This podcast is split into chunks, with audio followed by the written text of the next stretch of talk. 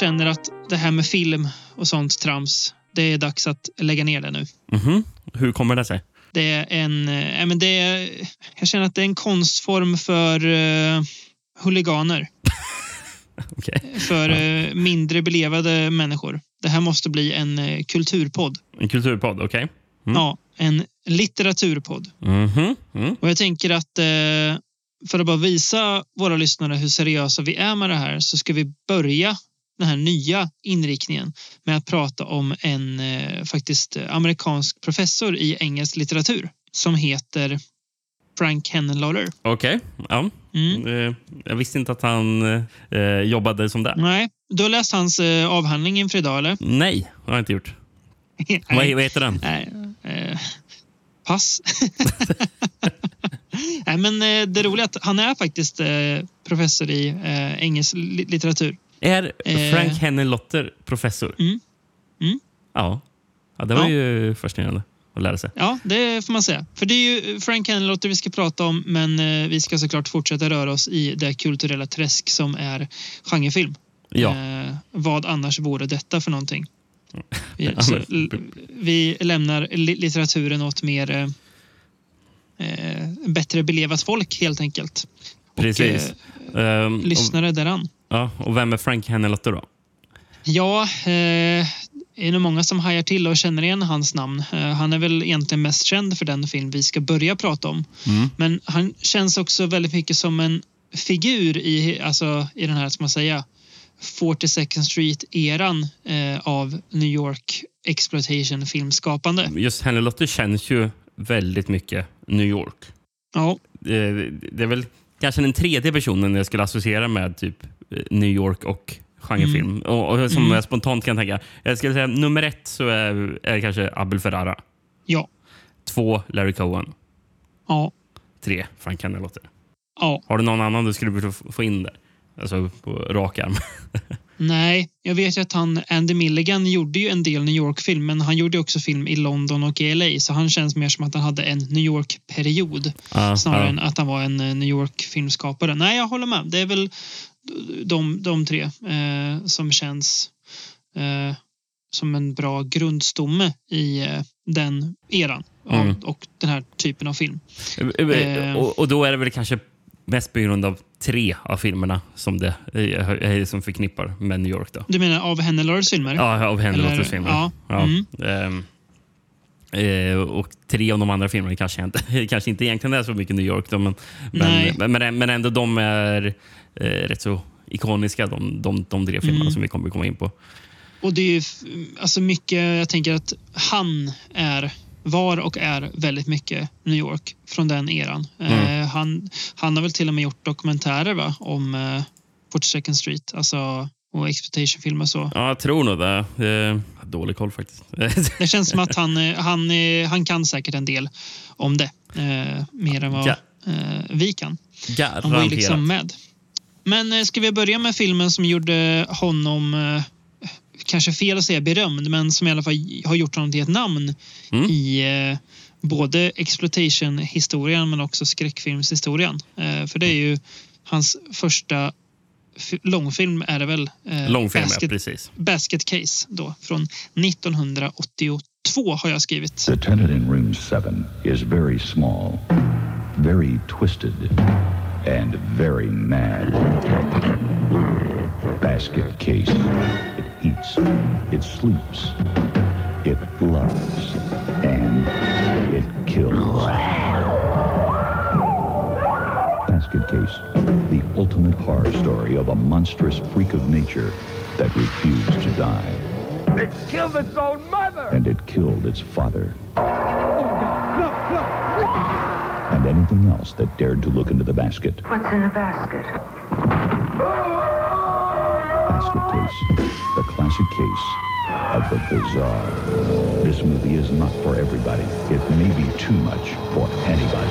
Basket case. Free surgical masks for everyone to keep the blood off your face. Now playing in an Aquarius Showcase Theater near you. Tio år efter hans eh, kortfilm han gjorde innan. Mm. Eh, eh, Slash of the Knife. Något du har sett till idag? Nej, inte gjort. Nej. Den, den visades faktiskt på bio 72 i, i New York. Jaha. Ja. Den, den visades tillsammans eh, med eh, Pink Flamingos. Hur, hur, hur mycket New York är John, John Waters? Han känns inte så New York. Han känns mer bara... Jag tror inte... Han känns nej, mer LA, eller?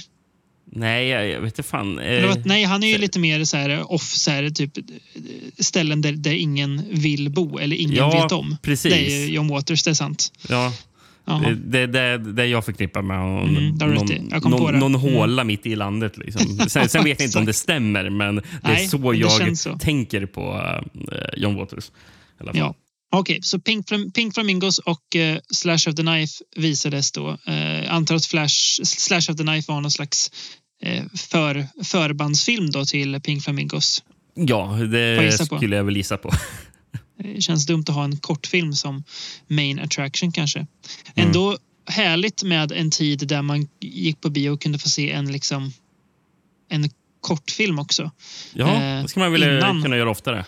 Ja, istället för lite bioreklam och trailers. Men eh, ja, det är väl bara att gilla läget. Eh, Ska jag dra några titlar på Basket Case? ja, det får du gärna göra. Jag kan säga de flesta har ju någonting med korg i titeln att göra. Eller Mm. anspelar på det. Så det, det. Det är inte många av de här som är så värst spektakulära kan jag ju varna Nej. för. Men, så jag, jag, jag drar av dem rätt så snabbt. Där. Argentina, fallet med korgen. Mm. Portugal, korgens hemlighet. Grekland, skräckens korg. Mexiko, korgmördaren. Turkiet, döden i korgen. Mm. Frankrike. Nu, nu, nu går vi bort från eh, eh, korg. Frankrike. Blodsbröder. Ja, Tyskland. Basket Case. Den kuslige tvillingen. ja. Och eh, sist. Spanien. Var gömmer du dig, bror? det gillar jag. Låter som en, eh, som en Pedro Almodovar-film. typ. Men visst, eh, visst har vi en svensk titel på, på den också? Ja, alla ja det här glömde jag bort, för, för den Ja. såg inte med på IMDB. Men ja, korgväskan. Ja, som ju är en... Alltså det är ju det är en kul titel, men egentligen den är också väldigt dålig för den, den missar ju hela... Alltså det blir fel i översättningen. Ja, ja, pre- ja precis. Det, det, så det är ju en så rak översättning av Basket Case att eh, den blir obegriplig. Ja, Eller, eller, eh, alltså, det, den förlorar ju själva poängen Syft- med... dubbelsyftet, ja, precis. Dubbelmeningen. Liksom. ja, exakt. Hade det bättre om man hittade typ korgmonstret eller någonting. Alltså något så här töntigt. Alltså bättre. Men jag tycker korgväskan är lite, lite charmigt också att, eh, att det finns. Eh, Eller att, att den faktiskt hette så när den gavs ut i Sverige på VHS. Mm. Eh, har du hittat den VHSen eller har du något annat att läsa från? Nej, jag har inte hittat den. Um, jag vet att jag har ju sett den här... För, jag såg den för kanske typ så här 20 år sedan. Mm. På en superrisig VHS. Men Mm. det var ju en sån här engelsk import-VHS bara. Ja, det. Ehm, jag minns att den var risig, men för man såg typ ingenting. Det var kolsvart bara. Mm. Mm. Titta på den. det kan jag tänka mig med tanke på hur filmen, alltså fotot och eh, miljöerna och så är. Kan Så jag eh, min första eh, bekantskap med korg, korgväskan var ju inte... jag var inte så imponerad den gången. Var jag inte, men Nej, det- jag det förstår det, jag själv. förstå. Men, men det är av samma... Jag vet att jag typ samtidigt då också såg, också på någon sån här risig import, jag såg ju um, eh, The Hills of Ice. Och den var ju, Mm. jag, såg, jag såg ingenting. Nej, den är också ganska mörk ändå, den filmen får man säga. Ja, Mm. Eh, men innan VHSen. Mm. Jag har en tagline som är jättebra på den här filmen. Mhm. The tenant in room 7 is very small, very twisted and very mad. den är bra. Den gillar man. Jag tycker den är jättebra. Den. Mhm. Jag, jag, jag kommer senare i avsnittet ha en del ja, översatta VHSer. Men Mhm. på, på just någon anledning, just första Basket Case, så lyckas jag bara hitta ehm, en engelsk. Mm.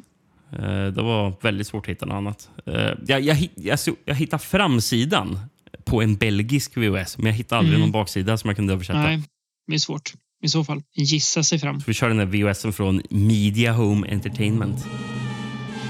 In the quiet town of Glens Falls, a very nervous Dr. Lifflander is suddenly attacked by, well, something. Something very small, misshapen, and very mad. Something with a swollen, claw like hand with, which rips the good doctor's face off. Basket Case is about a young man who was born with a Siamese twin attached uh, to his side. At an early age, the monstrous twin was surgically removed but lived to deeply resent his cut off days. His normal looking brother goes to New York carrying a large basket wherever he goes. In the basket is the hideous twin. Neither brother can rest until they avenge the surgical separation by killing the doctors responsible. Ändå bra sammanfattat, Ja, tycker jag. det, tycker jag. Ganska rättvis bild av filmen. Mm. Vet du vad jag har hittat i brist på svensk VHS? Nej? En liten recension från Scandinavian Film Video. Nej! Åh, Mm. vad, vad härligt. Eh, Vill du... Det är klart du vill höra. Tyvärr Ja, så är ju in- initialerna då MB, så det är alltså inte Peter Idén. nej, nej. Eh, frågan är om det här kan vara han... Eh, nu, nu, gissar, nu spekulerar och gissar jag bara, men jag vet ju att han, regissören, jag tror han heter Mikael Bäckman egentligen, kallade sig för Mike Beck när han gjorde Ridskolan-filmerna, du vet. Eh, jag vet att han har skrivit för den här tidningen, så det skulle ju kunna vara han, men det kan också vara någon annan MB. Mhm, Eh. Hur som helst så är recensionen här. då. Korg i väskan. Den här filmen väckte en viss uppståndelse på Cannes filmfestival 1982. Möjligtvis kan det bero på den ovanliga handlingen som man inte vet om man ska ta på allvar eller som ett skämt. Grundidén är egentligen bra, men som det är nu är den varken rolig eller otäck eller vad det nu skulle vara. Okej. Vad tror du att den får för betyg? Av fem? Tre av fem. Nej, den får faktiskt bara en eh, tvåa. Okej. Så det var, det var ändå ganska så här, ett betyg som speglar vad recensenten faktiskt skriver till skillnad från Peter Idéns märkliga utspel. Ehm, Den här, den här filmen var hemsk. Fem av fem. ja, precis. Usch, vilken, vilken hemsk film. fem, fem, fem blodiga motorsågar av fem. Ja, men det är lite kul att den eh, faktiskt recenseras här. Uh, utgiven av Sonett Video vet jag. Mm. Eller eh, står det här. Uh, korgväskan. Ja, ja, men så tyckte de. Så tycker inte riktigt vi, va? Eh, att den var dålig, nej. Att den inte lyckas eh, med eh, vad den nu vill göra. Jaha, nej, nej, nej, det håller vi inte med om. Nej. Eh, Den förmodade ridskolan-regissören. Exakt. Eh, kul om det är han. Ändå. Ehm, ja, nej, men det här är ju väldigt mycket. Alltså det här är ju mest av alla Henelotterullarna eh, det här New York vi pratade om. Mm. Eh, av förklarliga skäl. Den är ju, det är ju den enda filmen som egentligen är gjord i den eran också. Eh, hans nästa film, det dröjde ändå ganska länge innan han gjorde den. Och Mm. då hade ju det där börjat, ja, det var inte borta helt, men det var inte samma sak som det var 1982. Eh, men man är ju väldigt svag för, det har vi ju kom, det har vi pratat om förut, vi till och med ägnat en hel podd åt det.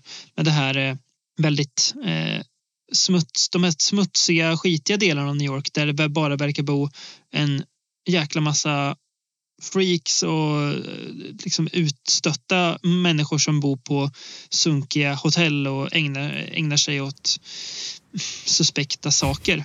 Mm. Det är ju, Mm. det är liksom, hela den här filmen är ju eh, befolkad av sådana typer. Till och med läkarna som eh, bröderna då, Duane och eh, Belial ska hämnas på.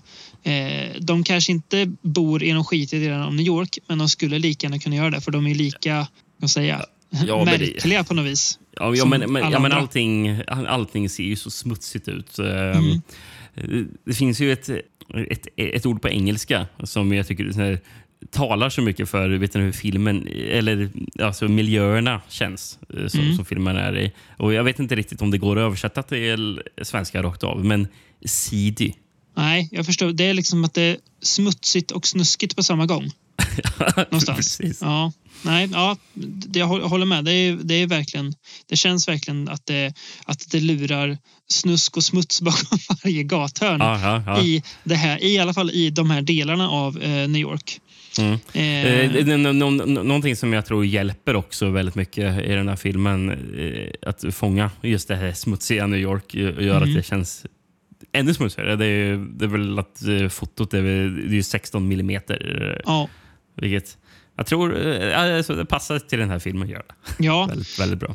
det, ger ju, det ger ju en viss eh, grynighet alltså, som gör att det känns ännu eh, Alltså det, det fångar verkligen som du säger den här tiden ännu mer. Eh, och det någonstans lyfter fram också filmens charmiga delar ännu bättre tycker jag att det är så opolerat och eh, ruffigt egentligen allting i den här filmen. Att det är inget som är fint utan allt känns liksom ja, trasigt på något vis. Mm, ja. Lite Mm. kantstött. Eh, jag tänker att den här filmen kan inte ha kostat jättemycket pengar att göra heller. Nej, eh, jag har budgeten på den. Mm. Hela 35 000 dollar. Ja, då var det faktiskt mycket mindre än vad jag trodde. Då, då kan vi tänka så här att nu ska man inte jäm, jämföra de filmerna, men det kan vara intressant bara att jämföra när man tänker på vad begreppet lågbudget innebär. Eh, när Halloween kom 1978 så den klassades som en lågbudgetfilm. Som en Mm. in, independent film. Den kostade ju 300 000 dollar att göra. Alltså, och det är ju liksom så här, oh, det, det, det var lite. Det är tio gånger så, så mycket som den här filmen. Eh, sen får man ju justera för inflation och så där, absolut. Ja, men det är inte så Men- många år mellan de filmerna. Nej, det är ju inte det. Fyra år, liksom, tre, fyra år. Eh, 35 000 dollar, ja. Mm. Eh, Men, och sen läste jag ju att eh, filmen hade ju egentligen ingen eh, alltså bestämd budget från när de började spela in den. Utan det var mer att vi, vi tar det vi kan få. Vi, vi, vi ser Mm. hur mycket pengar vi kan få in. Så de startade, eh, när de startade filmen så hade de 16 000 dollar. Mm. Vilket var, ja, det var ju typ eh, Fr- Frank Hennelottes livsbesparingar. så bara, ja, nu kör vi på det här. Eh, och sen så och, och, och, sen, och sen typ filmade de eh, delar av filmen och, sen, och sen visa upp för folk för att vet bara, ja, titta här är vad vi har. Skulle vi kunna få in mer pengar för att göra resten av filmen? Mm. Och då till slut så landar de väl på ja, 35 000 dollar som slut, slutlig budget. Då. Ja. Jag är inte, inte förvånad att det var så det, det gick till. Det känns ju väldigt mycket som ett verk gjort på eh, känsla och vilja. Ja, snarare ja, än, men det, eh, men det står att eh, eftersom budgeten var så låg liksom, så för att hitta typ, rekvisita och, och sånt eh, så bara, ja, de, de bara oh, och, och det finns en container. Kan vi hitta lite möbler kanske att ha till mm. den scenen? Då? Det är kanske också därför allt ser så himla nedgånget och trasigt ut. För att det faktiskt var trasiga saker man, man hade Ja, det- att använda. Det kan Ja. vara så. Ja, men det... Jag, jag ser att filmen ser ju lågbudget ut, absolut. Men om det nu stämmer att den kostar 35 000 dollar, vilket vi väl i och för sig inte har någon anledning att misstro, så menar jag att de har använt pengarna väldigt effektivt och väl. För det är den, alltså, problemet som kan bli eh, med filmer som har en för låg budget är ju att det blir tråkigt. Att man inte har något att fylla ut med. För att, ja, vet inte, man, man lägger väl kanske pengar på fel saker eller så är det helt enkelt inte nog med pengar. Men den här filmen blir ju aldrig tråkig och känns heller inte ska man säga, som att den behöver fyllas ut med mer saker. Jag tror snarare att den hade ja, lidit är kanske fel ord, men jag, jag tror att den hade inte gynnats av en högre budget. Det kan vi komma till sen när vi pratar om uppföljarna till den. Ja, ja. Eh, Nej, men, eh, jag, jag tror mycket av det fungerar väl på grund av ja, manuset. Eh, alltså, ma manus, regi. Eh, det, är så, det är de detaljerna också. Mm, så, såklart. eh, Liksom, ja, vissa eh, filmer med väldigt låg budget kanske inte har någon som, som kan det där. Nej. Eh, nej, men och sen så tycker jag också det fungerar väldigt bra med um, huvudrollen. Eh, Mm. eh, Dwayne Bradley då, som spelas av eh, Kevin Van Hentenryck. Mm. Eh, han var ju faktiskt redan med i eh, Slash of the Knife av Mm. Henry De de känns som att de var polare typ, eller? Det, det känns som det. Va? Ja. Då hade de ändå känt varandra typ tio år när jag kom. Ja, ja. han har ju, alltså Kevin Van Hendrick har ju någon han har ju någon charm som egentligen inte är charm. Det är ju någon sån anti-charm, men ändå så här.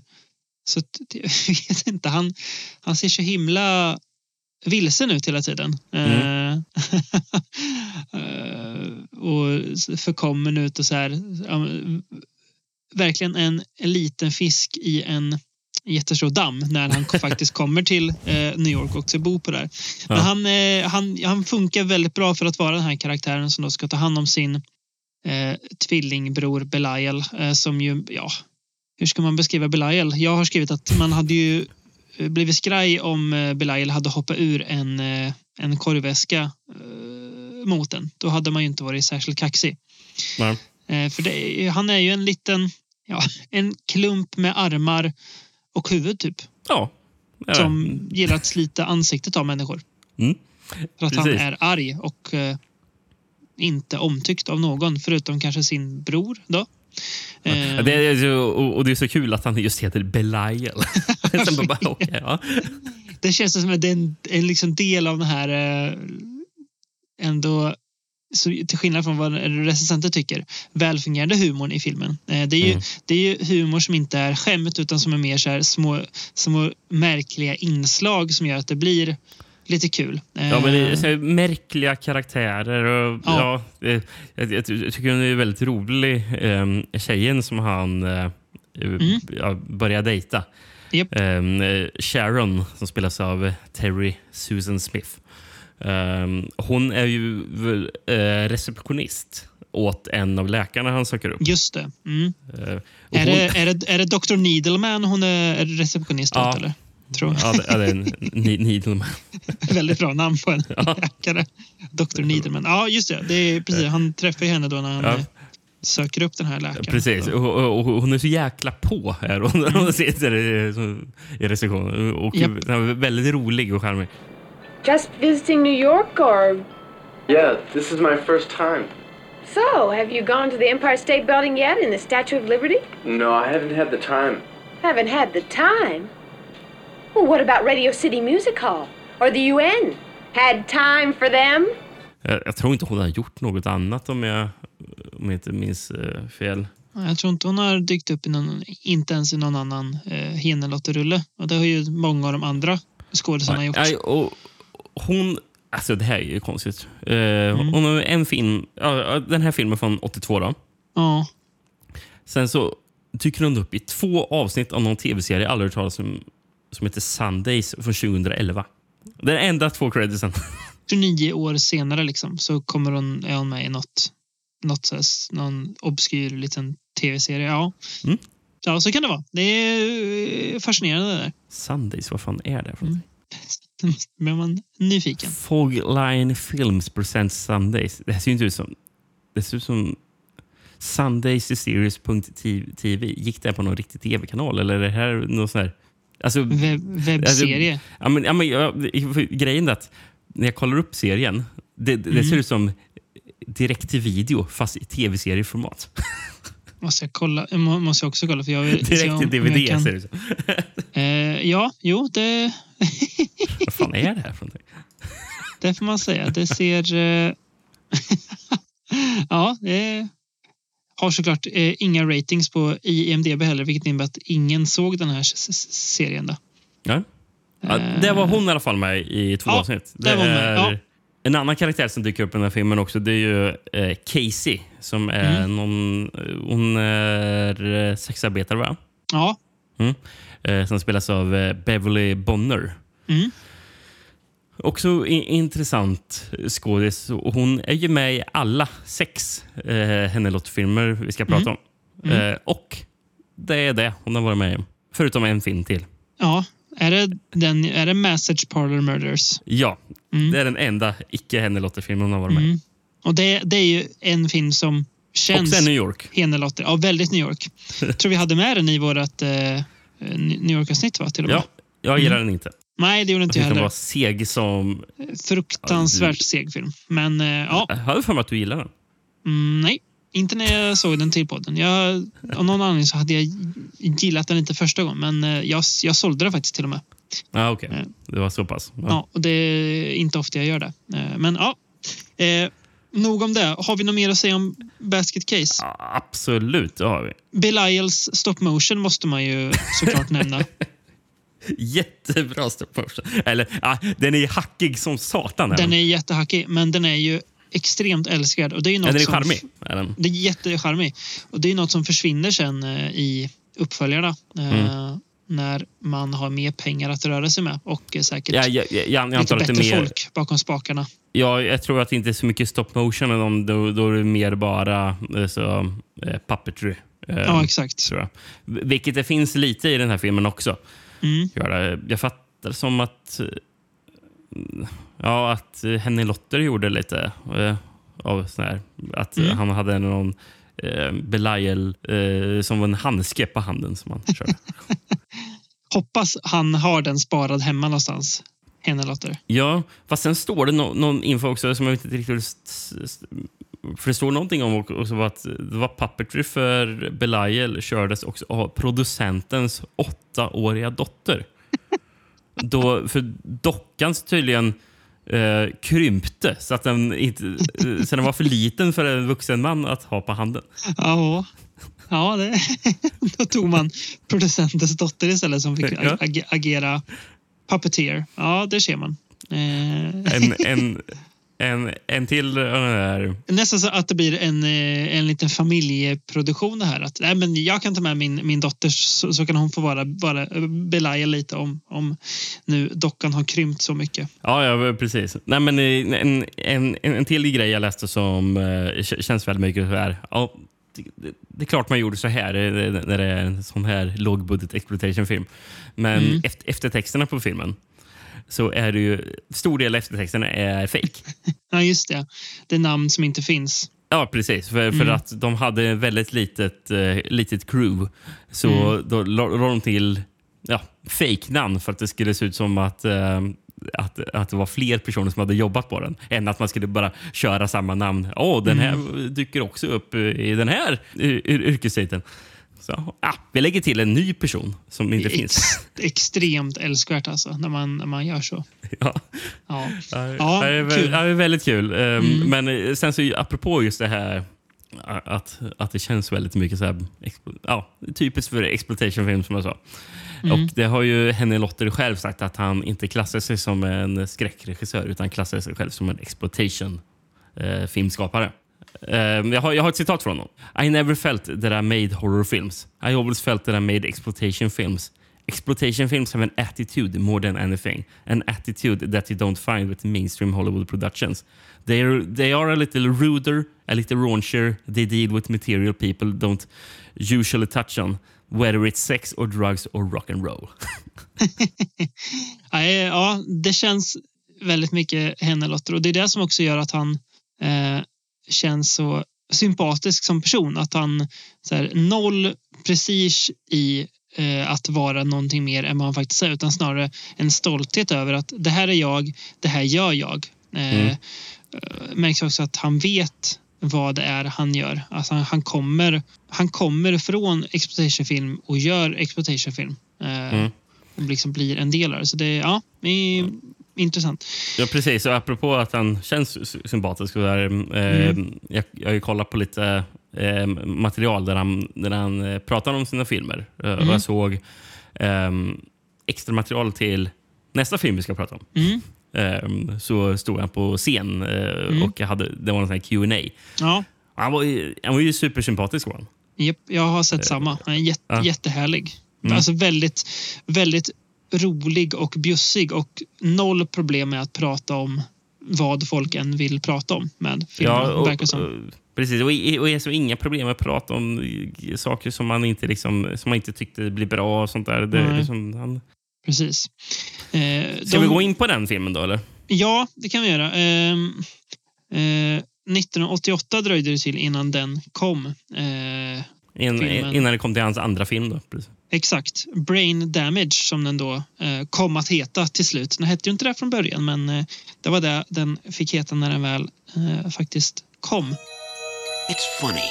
One night you go to bed, and when you wake up, everything is different. Now Brian's acting a little peculiar. He's like a completely different person. I don't even know him anymore. Something's gotten into him, Sometimes everything glows with a different kind of light. deep into him. What are you telling me? That we killed someone last night? Something bad. Something slimy. What are you doing? Something very, I know something's happened to you. very The hell is that? hungry. Ah! Every time you're hungry. You're mine now, Brian. I own you. Brain damage. It will turn you inside out. Ska vi ta vad den e- egentligen hette då? Eller vad, man, vad, man, vad titeln på manuset var? Ja, manuset var väl Elmer the Parasite va? Ja. Elmer the Parasite. En ganska kul titel. Eh, Vi kommer komma in på, på Elmer sen. Det kommer vi verkligen göra. Eh, jag gissar på att du har några AKA-titlar på den här eller? Mm, ett par. Mm. Argentina, utan kontroll. Mm. Brasilien, det onda serumet. Mm. Hade jag hellre hört att, att den hette Den onda formulan. Men då hade man ju tro, trott att, att det var en eh, Franco-film. Ja. Eh, Grekland, järnexplosion. ja. Portugal, dödlig vätska. Mm. Italien, järnsugaren. ja. Eh, polska, förstörelse av hjärnan. Ja. ja. Å, återigen en lite härlig beskrivande titel. Och Tyskland, här, den här titeln är väldigt långt från beskrivande. Mm. Och är väldigt konstig om man inte vet någonting om filmen. Mm. För då i Tyskland så kör de bara kort och gott på Elmer. Ja, den är, den är konstig. Jag, jag har för mig att det är i någon eh, i Blu-ray-utgåvan som väl båda vi har va, från Arrow eh, mm. så är det en liten booklet med. Och där så har de ju med lite artwork från andra länder. Jag tror att den franska titeln då också var, var El Elmer. Ja, eh. det är roligt att du går in på det, för jag ska läsa en, den franska VHSen. Mm, det står det faktiskt, eh, ser jag, Elmer Le Remu Meninges. Jag vet inte, meninge, är det någonting med hjärna där? Eller? Min franska är för dålig för det. Jag för mig det kan vara det. Mm. Nu kör vi lite live Google Translate. Det tycker jag. Vilken bra. Nej, ja, nej. Eh, han försökte översätta, översätta från fel språk. Jag hade inställt först på, på att översätta det jag skrev på franska från för att han, för att han försökte översätta, översätta från spanska till svenska. Och Då blev titeln Jag tar bort hjärnhinnor. det är ju en jäkligt bra titel. Jag tar bort hjärnhinnor. Vet, vet, vet, vad, vet vad Google Translate vill att Le Remu Meninges ska bli? Eller Mening? Nej, jag har ingen aning. Men uttalar det. Eh, eller kan vi höra det kanske? Le remue-ménage. Le remue-ménage. Ja. Vart var jag? Ja, ja, från franska vill Google Translate eh, översätta Le remue-ménage till brainstorming. Elmer brainstorming alltså. Ja, precis. Elmer brainstorming. Man undrar ju då om fransmännen sa när de skulle hyra den här filmen eh, Elmer, bonjour. eller om de sa eh, Elmer. Alltså hur de, om de uttalade det väldigt franskt eller om de försökte få till en litet amerikanskt det. Nej, klart, klart de uttalade franskt. Elmer. Elmer. ja, ja. Få höra vad fransmännen skrev på baksidan av sin VHS. Elmer berättar om ett nyfiket husdjurs märkliga äventyr. En parasit som heter Elmer. Trött på att underkasta sig sina åldrande ägares auktoritet flyttar Elmer in med en ung man, Brian, som han snart kommer att göra ett avtal med. Han kommer att injicera en vätska i honom som kan skapa total eufori på plats och extraordinära hallucinationer. Men i utbyte kräver han att få en mat som är nödvändig för hans existens mänskliga hjärnor. Ja. det är så bra. Ja, ja tycker jag. Ett, hans, ett, ett, hu, ett nyfiket husdjurs märkliga äventyr. Och, alltså bara, han, han, väljer att flytta in som att det, bara, det är en liten, lite märklig snubbe där som ska flytta in. Och såna, ja, häng med på Elmers äventyr. Ja. ja. det var li, li, lite kul. Um, vad är Elmer för något då? Ja. Hur ska man beskriva Elmer? Jag tror att de på X-materialet säger att Hennelotter själv gav dem att tänk att det ska se ut som en mörk dildo. Fick de väl typ lite som eh, eh, någon slags bild att förhålla sig till. Och ja. ja det är klart att Elmer har eh, vissa likheter med eh, eh det manliga könsorganet. Det krävs inte jättemycket fantasi för att se det. Eh, jag har också, också läst att han, han beskrivs som en turd. Vilket säger, ja, han är väl formad som någonting sånt. Absolut. Ja. Eh, är väl ett litet blå, lila, svart monster eh, med ögon, små näsborrar och framförallt en mun som kan bli jättestor. Mm, mm. Eh, och inte nog med det. Det som gör att Elmer blir den han blir och den här filmen mycket blir den den blir är att Elmer pratar, pratar, väldigt mycket och till och med bjuder på lite sång i en del av eh, filmen. Ja. Som- ja alltså, alltså grejen är, och, och det som gör så bra när han pratar, det är ju sättet Elmer eh, pratar på. Ja. Att han är väldigt han- väl artikulerad och så här, så här väldigt, väldigt lugn och behaglig röst. Eh, det vet jag Hennelotter sa på, jag vet inte om det var i den här Q&A men att han ville inte ha någon Freddy Krueger-aktig röst utan han ville ha eh, en mer, ska man säga, så här, gentleman-aktig röst. Och det, ja, det, Ja. effekt, eff- effekten blir ju väldigt eh, kul. Ja, det är jätteroligt här, den, Mm. liksom, den här kontrasten. Hi. I am you, Brian. I'm all you'll ever need. I don't understand. You will, Brian. From now on, your life will take on a whole new light. And all you have to do is look into the light and listen. Listen to the light, Brian. Just listen to the light. Yes, yes, I'd like to again, but I don't see it now. Then I'll make you a deal. I'll show you the light if you'll take me for a walk. Men, men apropå just um, Elmer som du säger, heter han inte egentligen Aylmer? Jo, det tänkte jag också på, men överallt alltså, där, där man läser och pratar om det sen så säger de Elmer. Men det, Mm. det, här, det här gamla paret som har honom i början säger ju Aylmer. Mm. Eh, Nej, men det, för, för jag för mig att eh, ja, men det, det är ju till och med i filmen en karaktär som påpekar, eh, som hu, vår huvudroll säger Mm. ju Elmer. Och, och då är det någon karaktär som man möter som, som bara, nej, han- hans namn är Aylmer. Exakt. Eh, Så jag vet inte förklara, liksom. Men, men, men, han, men han är ofta, ofta credit, creditad som Elmer. Ja, så vi får Så, väl kalla men, men, det är honom väl, det det, kanske. men det är väl på grund av vår huvudkaraktär kallar honom därför. Ja, det kanske är så. Eh, skulle jag gissa på. Men Mm. apropå, vi kan väl gå in på det här då. Eh, Aylmer, hans eh, röst. Mm. Eh, spelas ju, eller rösten spelas ju av eh, John Zachary. Mm. Vad, vad, vad har du på John Zachary? Ingenting innan jag kollar på extra material till den här ska jag väl helt ärligt säga. Men han var väl någon, eh, om jag fattar rätt, han hostade väl någon så här eh, midnight show eh, som gjorde att Henny Lotter fastnade mycket för hans röst. Det är, väl, det, det är egentligen det jag vet, att han tog över efter var det Vampira som var i innan och då tog han över typ efter henne och blev Ja. Eh, nästa host. Men eh, ja, det, det, det är liksom det jag vet. Precis. Jag tror han, bör, han, han, började 54 jobba på någon tv-kanal i Philadelphia som heter WCAU-TV. Aha. Han, han började med att uh, spela såna här små, små roller liksom, i, Mm. i någon western och sånt där. Som, så bara ja, billiga grejer som gick på den tv-kanalen. Men då 57 så blev han då anlitad till att eh, hosta en, eh, ett program som heter Shock Theater. Mm. Som han var så här, mm, ja, den här typ så här, vad heter han nu, eh, eh, karaktären i eh, Fright Night? Peter Vincent va? Ja, eh, det är, Mm. som, som när han är någon slags sån här, typ Peter Vincent från Fright Night-karaktär. Mm. När han, alltså, han ska presentera eh, skräckfilmer. Tonight I'm going to tell you the story of the Grand Master of the undead creatures of darkness. Now I hope you're paying attention so that you can learn a thing or two. I tell you the story of my old friend, Dracula. Vet, vet, du vad jag, vet du vad jag var nära att säga när du frågade vad han hette? David Vincent.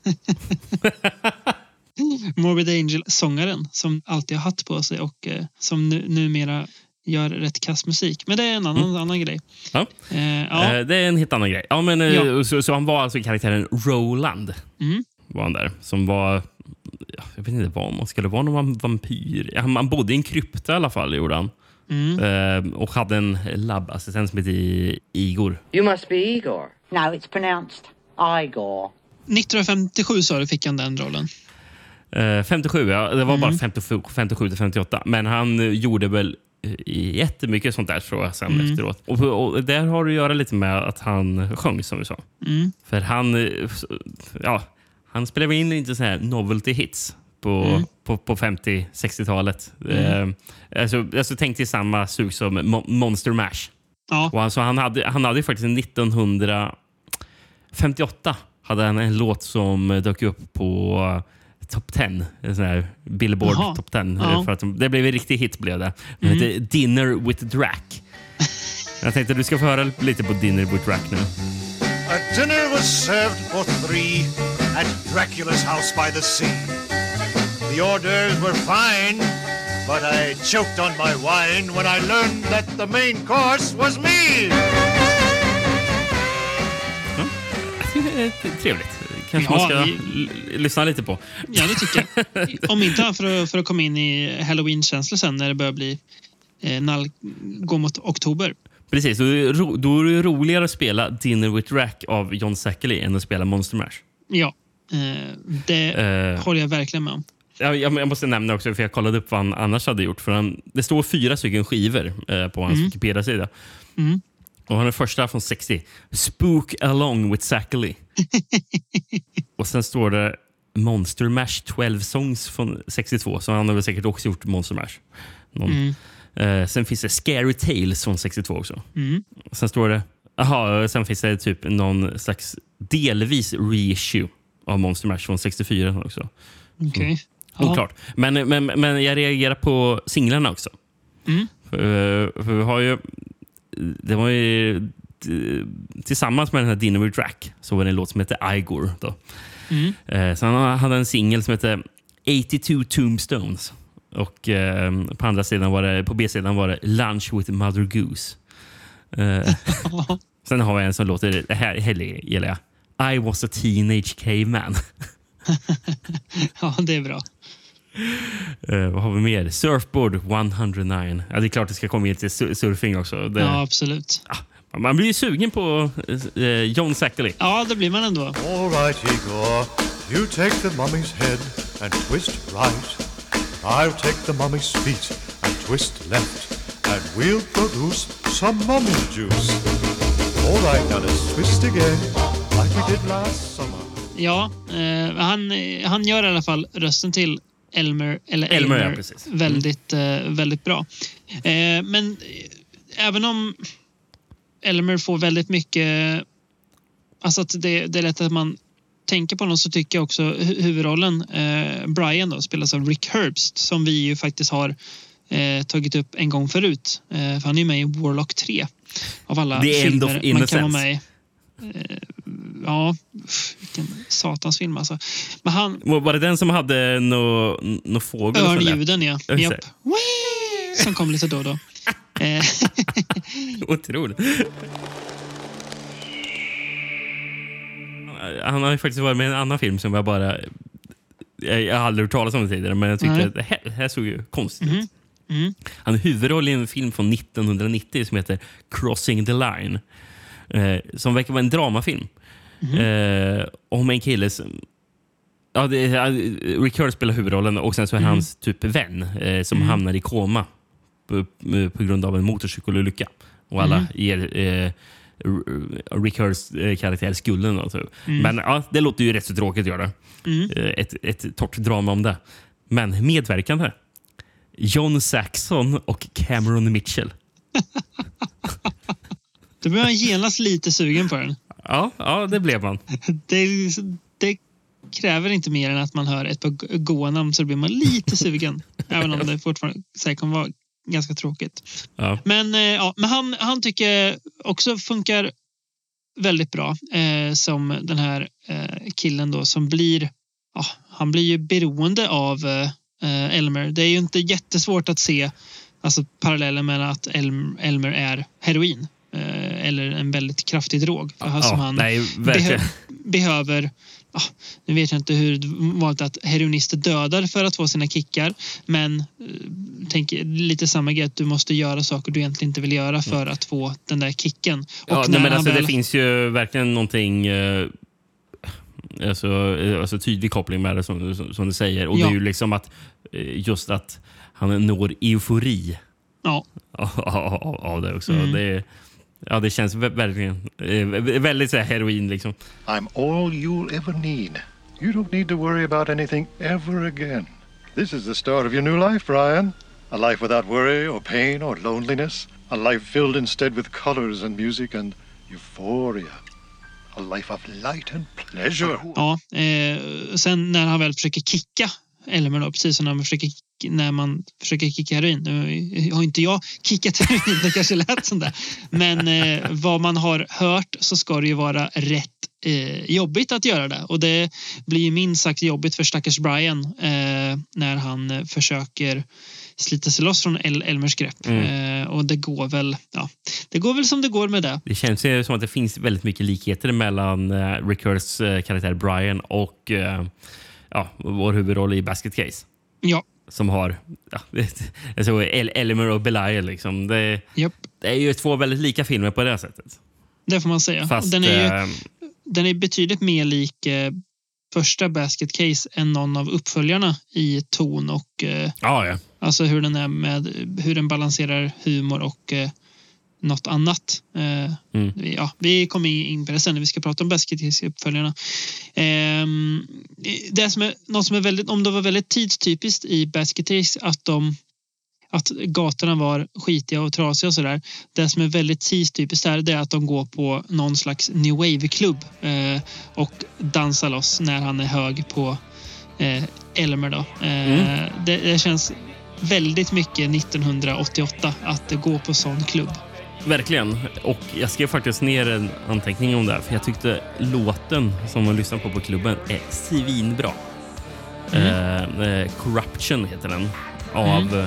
ett band som heter The Swimming Pool Cues. Ja, låter som ett, ett band som spelar new wave bara på titeln.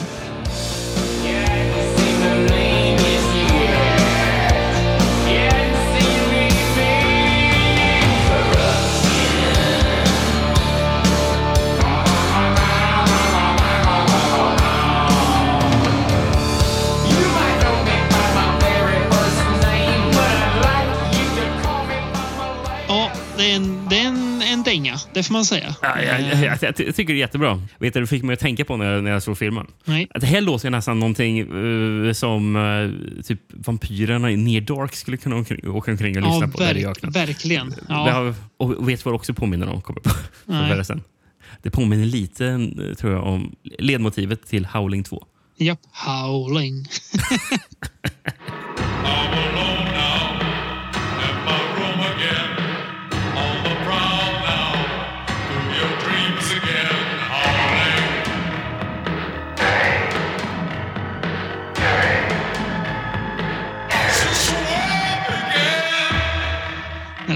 på, när till och med Christopher Lee går på New Wave Club. Ja, precis. Nej, men, eh, jag kollade upp de här Swimming Pool Cues, för jag hade aldrig hört talas om.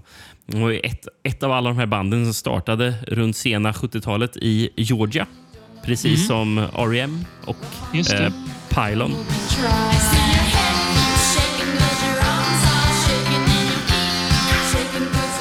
Man undrar om Michael Stipe har gått och sett Brain Damage och tänkt ah, där är mina polare i Swimming Pool Cues. Det där hade kunnat vara jag, men jag är lite för känd. Så att jag, ja, jag, fick, ja. jag, jag fick inte vara med. Ja, okej. Ja, intressant. Jag tycker också att soundtracket generellt i den här filmen är eh, Mm. bra.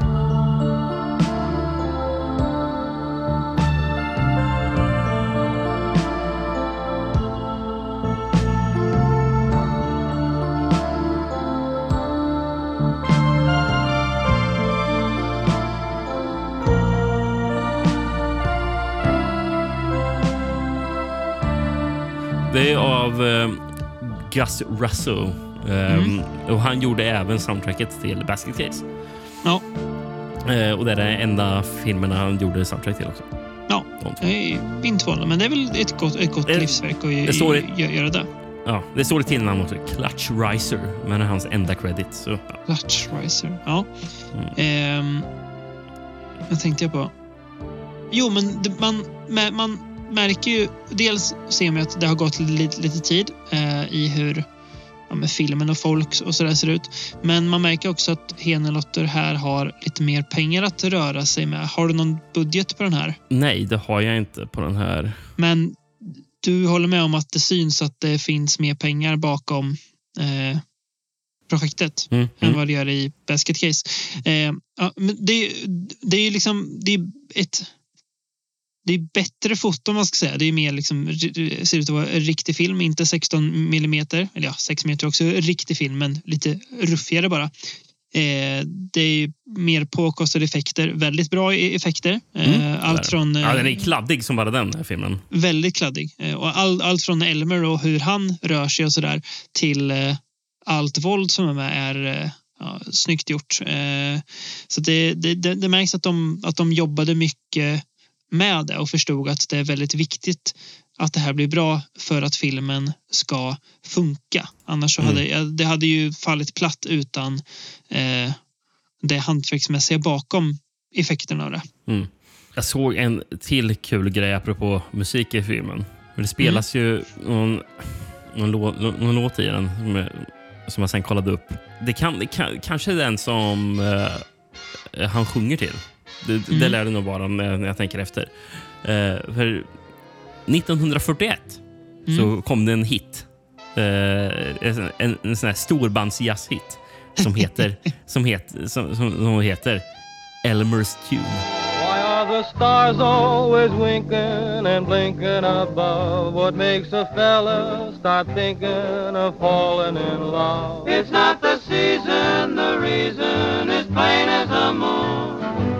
It's just Elmer's tune. Och, och så- som, som skrevs av eh, Elmer Albrecht.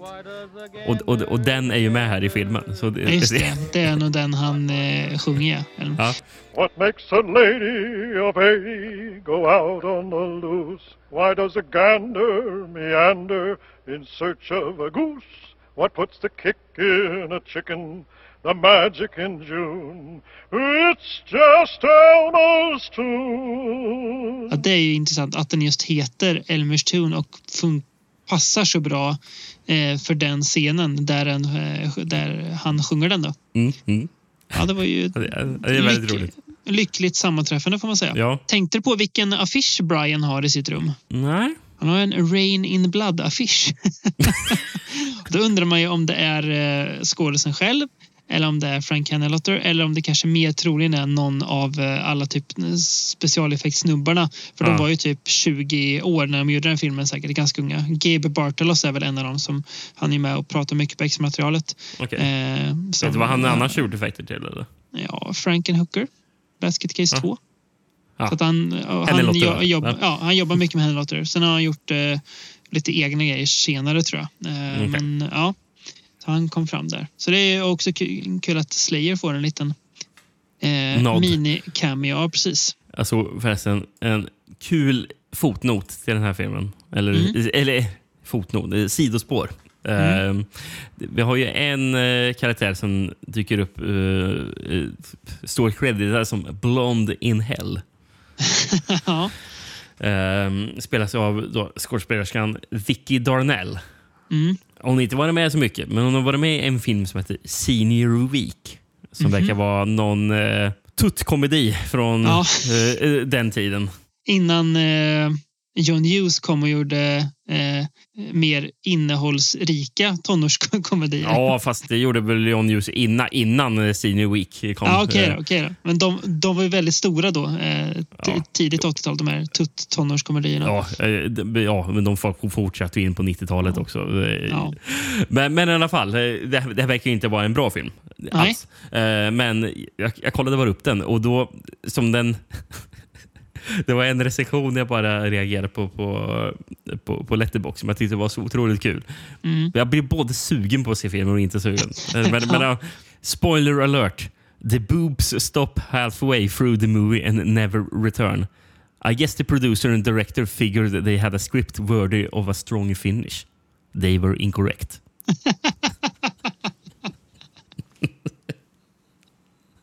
Ja. Otroligt bra. Ja, vä- väldigt, väldigt kul. Väldigt fyndigt skrivet, som man säga. Eh, nej, men eh, eh, Brain Damage eh, tycker jag ju tar det som Hennelotter gör bra i Basket Case ett steg till eh, Mm. och trumfar den filmen. Med, ja, inte jättelångt kanske, men jag tycker att den, den funkar liksom lite bättre i alla avseenden än vad Basket Case Ja, gör. nej, jag håller med. Eh, Jag gillar den mer också. de pratar ju om det i, i samband med att de faktiskt, det är ju på X-Martalet de nä- nämner det här om att eh, Hennelotter då är en professor in English literature, men att det är eh, att den bygger på den här Faust-myten. Eh, att man säljer sin själ till djävulen. Mm. Och det tror jag faktiskt Hennelotte själv har sagt att ja, jo, det var ju därifrån jag tog den. Det är ingen jätteoriginell story jag har hittat på. Sen Nej, så nej. tweakar jag den lite grann. Eh, och ja, och så, ja, det låter också rimligt. Men apropå det, har, har du Mm. mer gällande hans eh, ja, professor? Nej, de bara nämner det. Men då, då, han säger väl det att det är alltså... De, de, de pratar mycket om hans sätt att skriva manus på. Att han, att han har väldigt tacksamma manus för de som jobbar med filmer. För att de är nästan... Du kan nästan läsa dem som en bok. Alltså de är väldigt eh, beskrivande och ger mycket karaktärsdjup och sådär. Så jag, tror det var nog ganska tacksamt att jobba på en Henlotta-film för att han hade väldigt klart för sig hur han ville ha det. Han gjorde ju inga storyboards heller när gjorde Nej, film. okej. Och det är ju ganska ovanligt tror jag väl att man inte gör det. Det liksom behövdes inte för allt, allt fanns i. Det, det, det var liksom ganska tydligt i manuset hur, hur det skulle vara. Eh, Mm. Men jag tänker att det kanske har hans eh, professur kanske smittade av sig lite på hans sätt att skriva manus även om det kanske inte syns på innehållet alltid så mycket. Hi, hello, Brian. How are you? How are you doing? Help me. Please help me. Hey, of course I'll help you, Brian. You and I are pals. I'll be happy to help you. But you'll have to feed me first.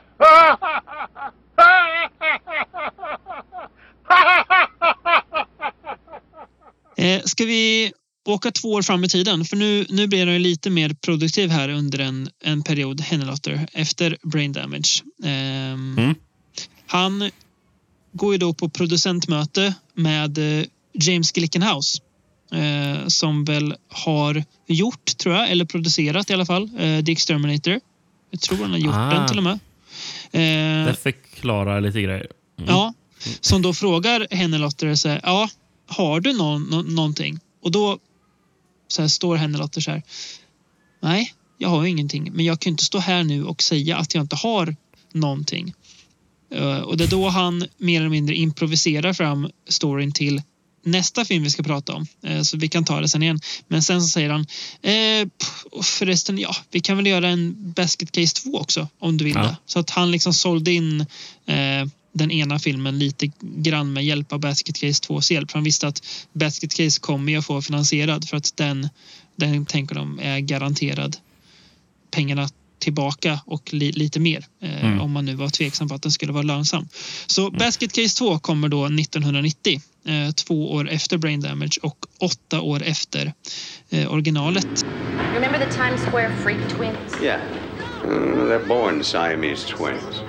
And they get cut apart, kill some doctors, and vanish from the hospital. Come looking for us and find all of them. Exactly. I can't let that happen. Basket Case 2. This time, he's not alone. Apropå att det känns, var begripligt det där med Exterminator. Mm. Ja, Det var producenten, eller vad sa du? Alltså, Jag, jag tror vet, att alltså, jag, producenten till eh, Basket Case 2 då, och nästa film, eh, James Glickenhaus, tror jag har gjort The Exterminator. Ja, det är så. Ja, jag tror det. Mm. Nej, men- Nej, för jag såg eh, fotot till den här filmen. Eh, Mm. Han har även fotat The Exterminator. Eh, Ja. Robert M. Baldwin. Ja, Och då sen, har han även, även fotat Let's Scare Jessica to Death. Ja, just det. Det är lite annat foto i den filmen, vill jag minnas. Men eh, ja, Alltså. Ja den är, den är lite, det är lite mer en s- slow burner.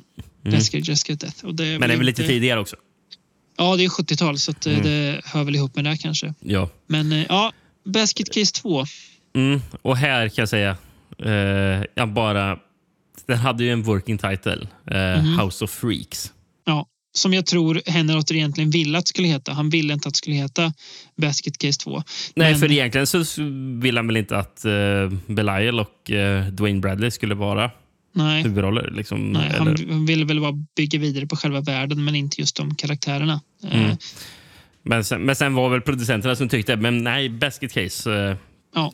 kan vi sälja, sälja in Ja. det på den. För Um, här, här, alltså här hade ju Basket Case blivit en liksom och det är ju ändå rätt tid, alltså en kultfavorit som alltså snackades om mycket och som gick väldigt bra på video om jag har förstått rätt. Alltså att den, Mm. den eh, fick ganska snabbt eh, kultrykte. Eh, Ja. så det, det var, man kan ju förstå producenterna även om man kanske tycker lite synd om henne Lotta att ja, ja, jag får kompromissa då. Men Mm. eh, annars hade vi kanske inte fått eh, den andra filmen vi ska prata om sen. Precis. Men äh, just apropå det med titlar. Det var House Mm. of Freaks jag hade. För resten är bara samma titlar som förra filmen. Eh, Ja, fast en tvåa nu. Så Ja. Den, hette den Korgväskan 2 i Sverige alltså? Det vet jag inte. Nej, Eh, det kanske inte finns med där. Jag har tyvärr ingen recension nej, av den. För att, nej in, inte ens korgväskan stod ju med på IMDB. Så Nej, precis. jag, har- inte stått där på något tvåan. Nej, exakt. Jag, jag, jag, är osäker på om den finns på svensk VS. Ja, jag, ska, jag ska rota lite sen eh, i min, eh, mitt tidningsarkiv se om jag kan hitta någon liten bonusbild att bjuda lyssnarna på Mm. om det finns. Ja, det får du göra. Men eh, ja, Eh, vad har du för VHS på den här att bjuda på då? Någonting jag aldrig haft tidigare. Oh, det, här, alltså det här är ju... Det, det finns ingenting bättre än när du säger att att ett land vi inte tidigare haft. För man, man, man vet liksom inte i vilken riktning det ska gå överhuvudtaget. Vi åker till en sån riktning där baksidetexten blir typ obegriplig. Ja. Men inte Japan. För nu åker vi till Sy- Sydkorea. Oh, spännande. Spännande, spännande. Koreansk VHS på Basket Ja. Case 2 hittar jag. Fan härligt. Är det ett misstag av Gud? Eller är det djävulens förbannelse? Tvillingbröderna Bradley har gått fel sedan de föddes. Människor är intresserade av sitt utseende och är rädda å ena sidan. Men för de som vill leva fritt sticker människors ögon. Här irriterar Priscillas insisterande strävan dem ännu mer. Sedan, med Dr. Roofs hjälp, de andra monster och deras egna. Hon bor i helgedomen. Men Priscilla är utanför gränserna med sina kollegor. Hacka. Eh, Broder Bradley, som inte tål det längre, är inkräktaren. Inteckning ditt liv och sätta en bitter bedömning på det. Broder Bradley låter som en eh, präst. Ja. Ja, det där var, det var inte lika obegripligt som eh, Nail Gun Massacre. Eh, eller inte lika poetiskt eh, vansinnigt. Eh, men eh, ja, svårt att hänga med var det ju ändå. Eh, vill du att jag läser en, eh, min egna lilla synopsis? Kanske för, om, om inte annat det- för lyssnarnas skull. Ja, det kan du göra. Det blir väl lite spoiler al- alert här då för Basket Case 1, men det får man ju, det får man ju ta. Eh, Ja, ja precis.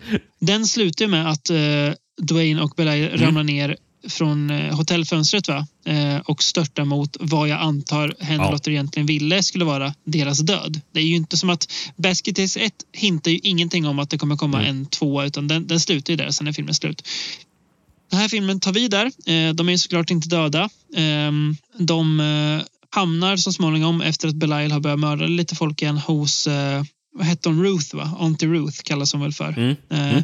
Som ju då eh, har ett... Eller eh, eh, Granny Roof. Granny Ruth, just det. Som har då ett House of Freaks hemma där det bor massa precis som ja, framförallt Belial men man kan väl i, i viss mån hävda att eh, Dwayne också är lite av ett freak om inte annat för att han eh, eh, ja, personlighetsmässigt freakig. Eh, Ja. Men då, där, där, Det är han ju faktiskt mycket mer i den här filmen Ja. än i förra. det är han verkligen.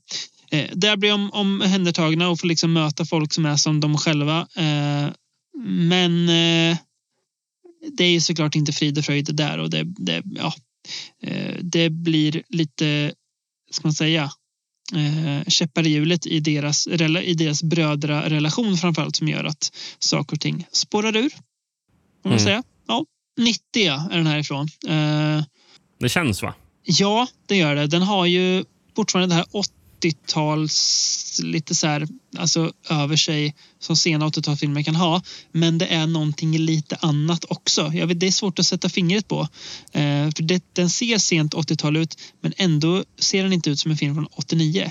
Nej. Det är som att det händer någonting där. Även om, alltså, jag vet inte. Det är någonting som gör att den ser väldigt mycket 1990 ut eller tidigt 90-tal ut. Jag, jag tycker att den både ser ut eh, så, så fotomässigt och även så här alltså även effektmässigt Mm. eh, så, så, så känns filmen... Hade jag inte vetat innan så hade jag kunnat trott att det, ja, men fan, det kan vara Brian Justna som är bakom eh, spakarna på den här filmen.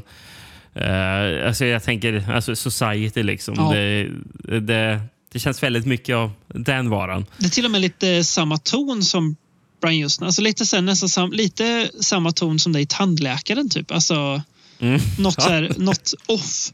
Och inte off på samma sätt som det var i eh, Henrotters tidigare filmer. Och även om det bara är två år sedan Brain Damage så är det en, en helt annan ton här tycker jag från eh, den filmen. Vet- du vad- det är off på samma sätt som också? Nej. Eh, The Ice Cream Man. Alltså, Ja. det har den där. Ja. Ja. men, och jag vet inte om det har någon, att det är det här tidiga 90-talet. Mm. Vi, vi pratar om det.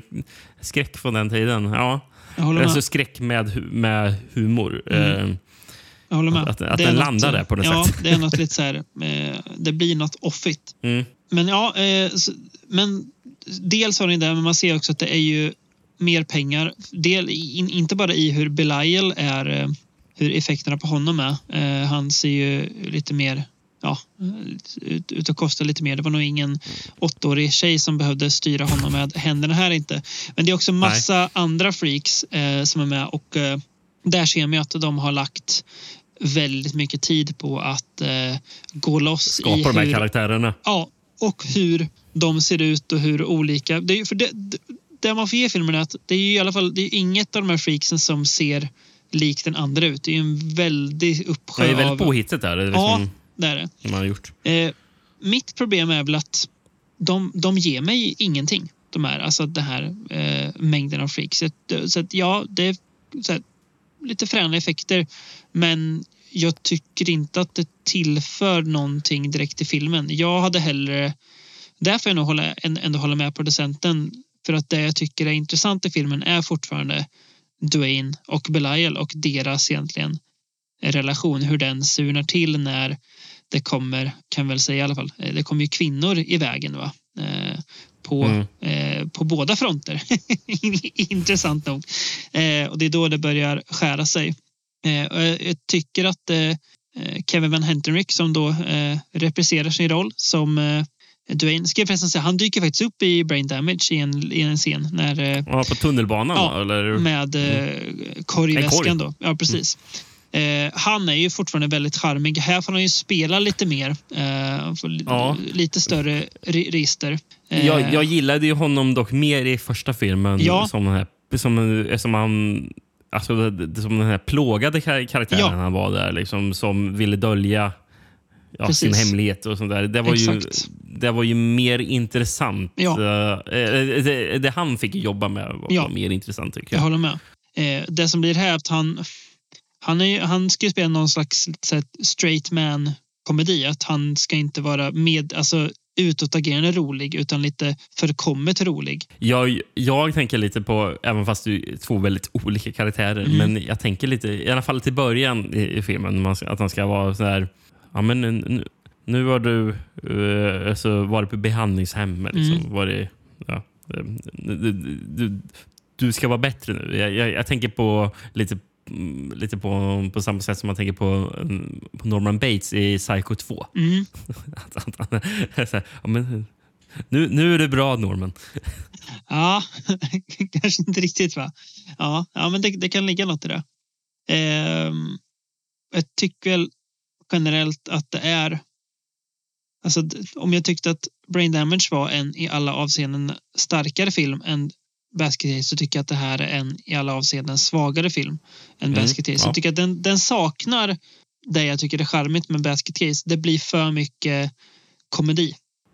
Alltså, Ja, ja, men det blir det verkligen. Det, jag tycker inte att det är särskilt kul. Alltså det, det är inte jättekul alltid heller. Det är vissa saker Nej. som är lite lustiga. men, vi, alltså, alltså, den blandar och ger. Ja. Eh, För, för, för ibland så tycker jag faktiskt att det är kul också. Jo, ibland är det Eh, kul. eh, Det är så mycket sk- skumma personer. Vi har ju han där som, som äger någon, som har en freakshow.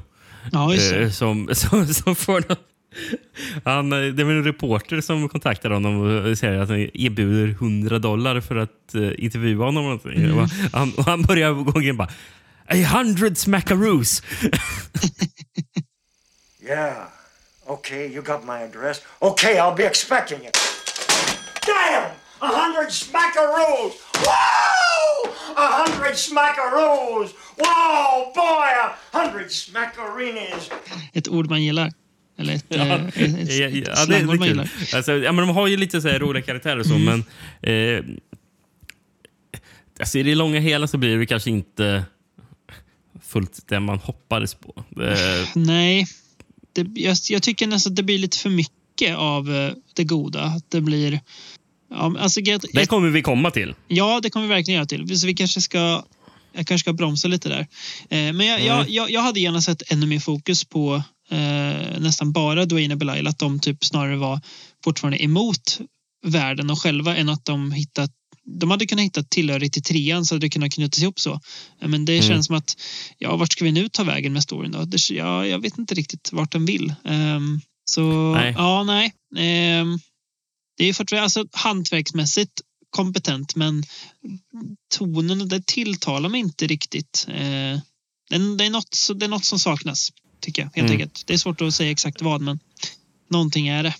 Ja, eh, en sak. Jag tycker hon fungerar ändå bra, hon Annie Ross som spelar eh, Granny Roof. Eh, För, för, för, för hon är ju... Så, så här, man man vet inte riktigt, i alla fall till en början, så här, var man har, har henne bara. Nej. Är, är hon välvillig eller bara nej, det är hon ju absolut inte. Hon är ju så uppenbarligen skurken, så, eh, inser man ju rätt snart. Men oh, oh, hon i alla fall, Annie Ross, hon, Mm. Eh, ja, hon var ju från början jazzsångerska. Mhm. Hon var med i en, eh, en eh, trio som heter Lambert, Hendrix and Ross. Som hon sjunger. Ja. Men sen så hittade jag lite ro, ro, roliga grejer. Eller Så, så, m- många filmer hon har varit med i så har hon haft någon form av sån här sånggrej. Mm. Men jag hittade att andra filmer hon har varit med i. The Beast Must Die. Jaha. Mm. Mm. Släng morsan av tåget. Jaha. Ja. Eh, Witchery med David Hasselhoff och Linda Blair. Ja, just det. Den italienska eh, produktionen, ja. Mm. Eh, och sen de två sista här. Som var mest bara oj, oj, oj. Som jag nämnde i förra avsnittet. Då, En Mm. koppling till förra avsnittet. Salon Kitty. Jaha, den är med också. Mm. Ändå väldigt härlig fast- karriär. Mm. Hon är med som röst, fattar det som bara. Ja, okej. Mm. För, eh, och det, och för det är även den sista filmen. Mm. The Wicker Man. Jaha, okej. Men bara röst alltså i den filmen? Mm. Ja. Och, och, eh, och då såg jag vem hon, hon gör rösten till för i eh, The Wicker Man. Och det är Mm. för ja, karaktären Willow McGregor. Och Mm. det är ju Britt Eklands karaktär. Ja, hon dubbar henne alltså. Hon eh, Mm. var väl säkert rätt kass på engelska. Så de ville ha Mm. någon som... Ja, okej. Aj, Jag tänkte först att hon kanske sjunger då Britt Eklands, Mm. för hon sjunger ju lite i filmen. Ja. Men jag fattade som att det bara är speaking voice. Står det i alla fall. Ja. Eh, men i det hon dubbade i Salon Kitty. Mm. Det är ju det är roligt, apropå svensk-kopplingen. Mm. Eh, för i Salon Kitty så dubbar hon ju, eller då, är hon singing voice för Ingrid Thulin. Jaha. Så hon, hennes jobb var delvis att dubba svenskar i eh, ja, Ja. Olika I genrefilmer. Ja. Ja, ja, Ja. Eller, ja, i, i filmer, ja, precis. Spännande. Apropå musik, eh, bara nämna eh, Joe Renzetti. Mm. Eh, är det ju som har kommit in här för att Mm. göra musiken. Så det är, inte, det är en ny karaktär bakom eh, musikspakarna. Någon har tagit över. Föregående. Mm.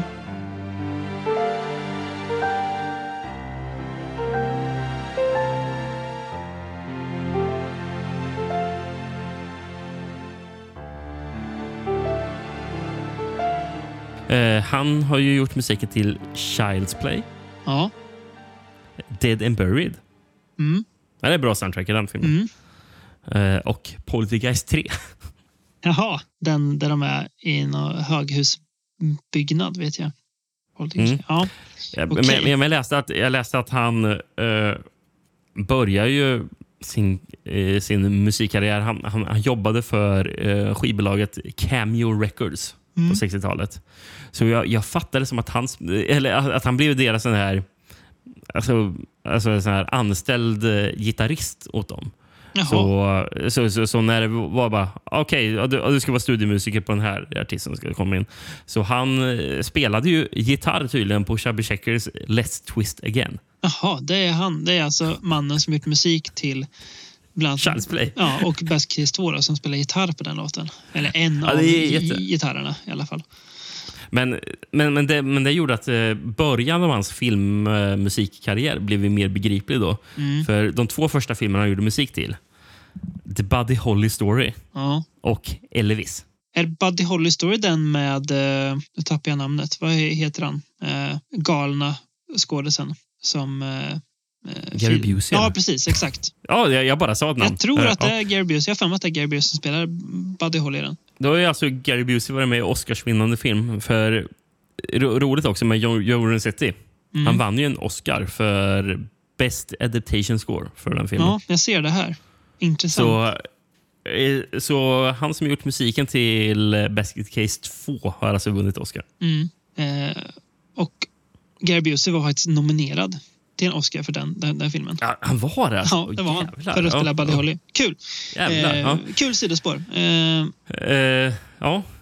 Eh, Jag har, jag har en sista grej om Basket Mm. Case 2 innan vi kan gå över till den andra filmen som spelades in samma år. yes. Eh, men, och, det, och det gjorde han, och det, och det har en koppling till nästa film också. Mm. Eh, för tydligen på inspelningen av den här filmen och nästa film så eh, vet du vad Frank Hennelotte drevs av? Han, han drevs av Jolt Cola. Ja, han har ju tidigare Han- gått, han- gått på kokain. Har han bytt sin drog mot, eh, till Jolt Cola. Då. Ja, han, han drack eh, tydligen Mm.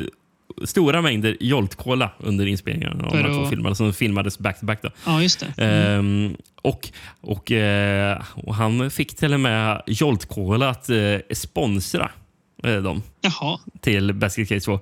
Eh, så, så ska det tydligen finnas eh, pub, publicitetsfoton eh, av den här filmen med, med freaksen i den här filmen som sitter och dricker Jolt Cola och har Jolt, Jolt Cola t-shirt och sånt. Fan vad härligt. Det gillar, nu gillar man Jolt Cola mycket mer. Om inte, om in, inte för drycken så i alla fall för eh, de PR-människorna som jobbade eh, sent 80-tal, tidigt 90-tal. Kul! A hundred smackaroos! Men ska vi gå till, till filmen då som eh, han eh, började sälja in under det här producentmötet som då gjordes faktiskt. Den, spel, den spelades in veckorna före Basket Case 2 men har då släppts efter om vi har fattat grejen rätt. Det är just inte alltid lätt med släppdatumen men vi, vi säger att det är så. Eh, och det är ju då Nej. Frankenhooker som då också kom 1990. In 1931, the world was horrified by the motion picture Frankenstein. In 1935, horror turned to terror with The Bride of Frankenstein. In 1990, the makers of Basket Case and Brain Damage bring you Frankenhooker. jag dra lite mer kring det här producentmötet bara för att ge lite bakgrund till hur den här filmen kom till. Ja, men han hade då ingen idé alls. Eh, om man tänker på att ja, men så, det kan göra någon, någon Frankenstein-variant så han började bara rabbla massa saker som, det här, som, det här, som skulle hända i den här filmen. Ja, men eh, det ska hända, det ska hända. Sen när han kom ut från mötet så hade han med sig då eh, sin producentkollega som han jobbade med, alltså inte samma producent han pitchade för utan en annan och frågade vad, vad, vad sa jag egentligen där inne? Och då hade ju han som typ skrivit upp allting som Hennelotte sa. Så han, han läste upp det. Hennelotte bara, va? Sa jag de här sakerna? så det var så idén till Frankenhooker kom till. Eh, Till till och med så att James Gilligan frågade vad vill du att filmen ska heta då? Och då så här började tanken gå. Ja, den kan inte heta Frankenhore för det är ju lite för grovt. Ja. Den, kan inte heta, den kan inte heta Franken Prostitute för det är för långt. Eh, Frankenhooker ska den heta. ja, okej.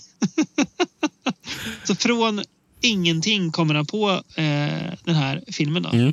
Så det, ja, och så eh, var det också att den kom att göras. Och, och, och vilken tur. Ja, det får ju verkligen säga. Eh, vad, har du hittat någon eh, alternativ titel på den här filmen? Det är ju en, en titel som är eh, bra i sig. Mm, jag, har- jag, har, fyra stycken.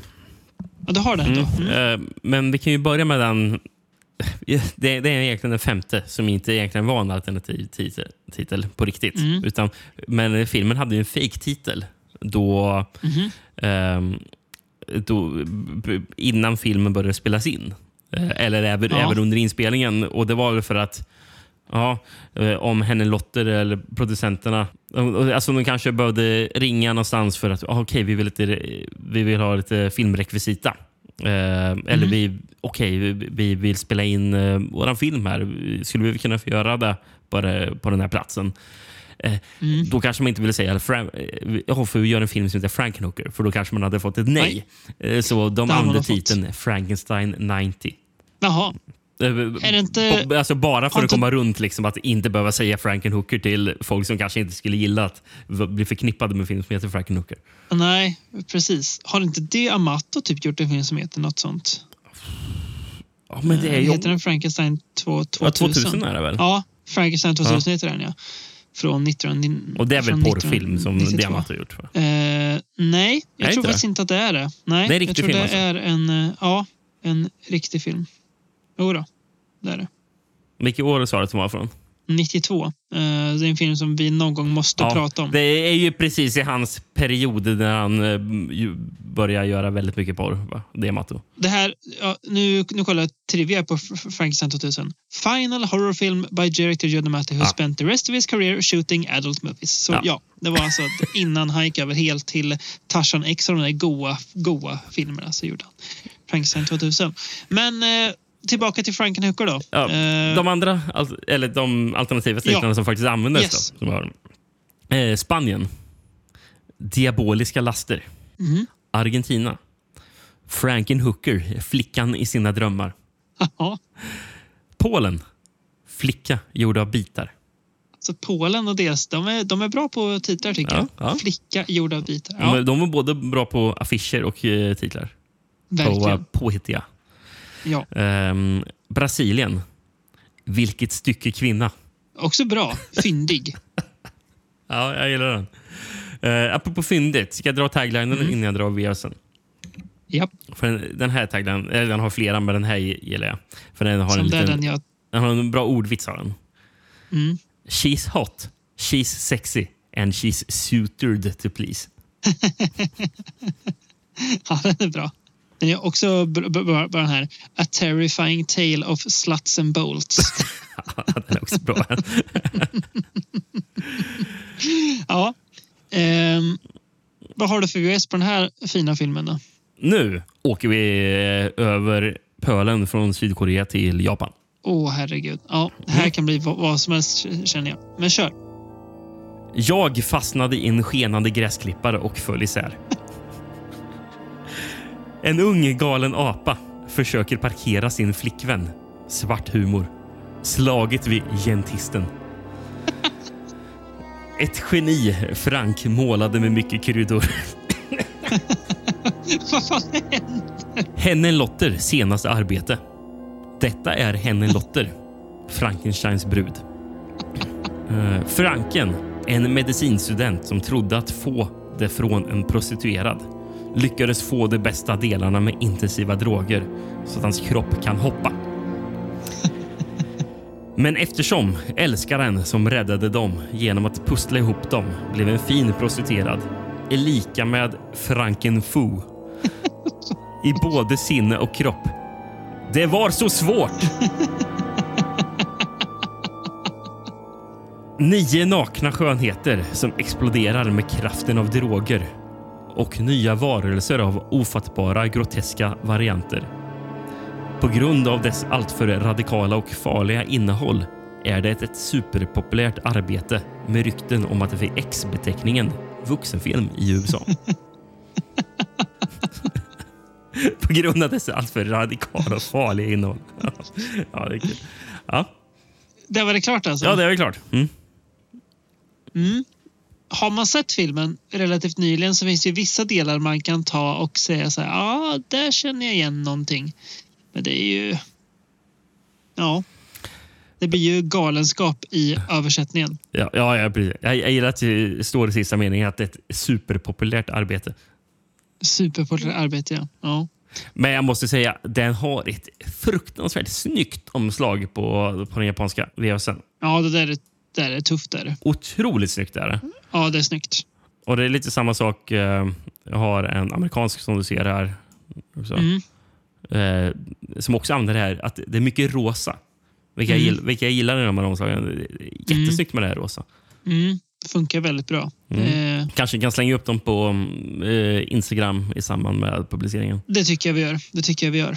Eh, men sk- ska vi dra en lite tydligare här också bara för att vara snälla mot lyssnarna kanske eller vad den ha- handlar om. Ja, ja, behöver inte vara så långt men, eh, men i huvudroll då så har vi då Jeffrey Franken som eh, han jobbar väl som elektriker men har någon slags dröm om att vara både doktor men också forskare och komma på nya saker som ingen annan har lyckats med.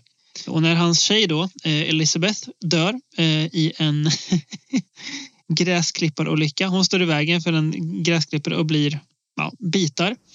Så vill ju han eh, då återuppliva henne. Men han vill ju göra henne bättre. Så han bestämmer sig för att eh, leta rätt på den perfekta kroppen att sätta hennes huvud på. Mm. Men eh, det går ju verkligen inte riktigt som man har tänkt sig. Eh, Nej.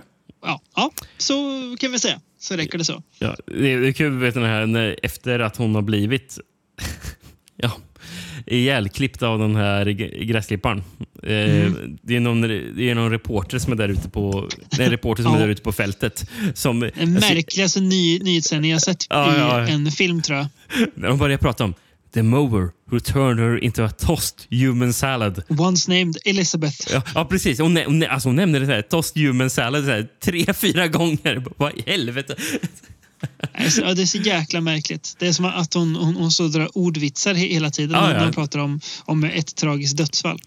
Jag måste bara nämna en sak på den amerikanska VHSen. Mm. På, så det är ju två citat som är på den. Mm. Eh, vi har ju fyra stjärnor. Best of 90.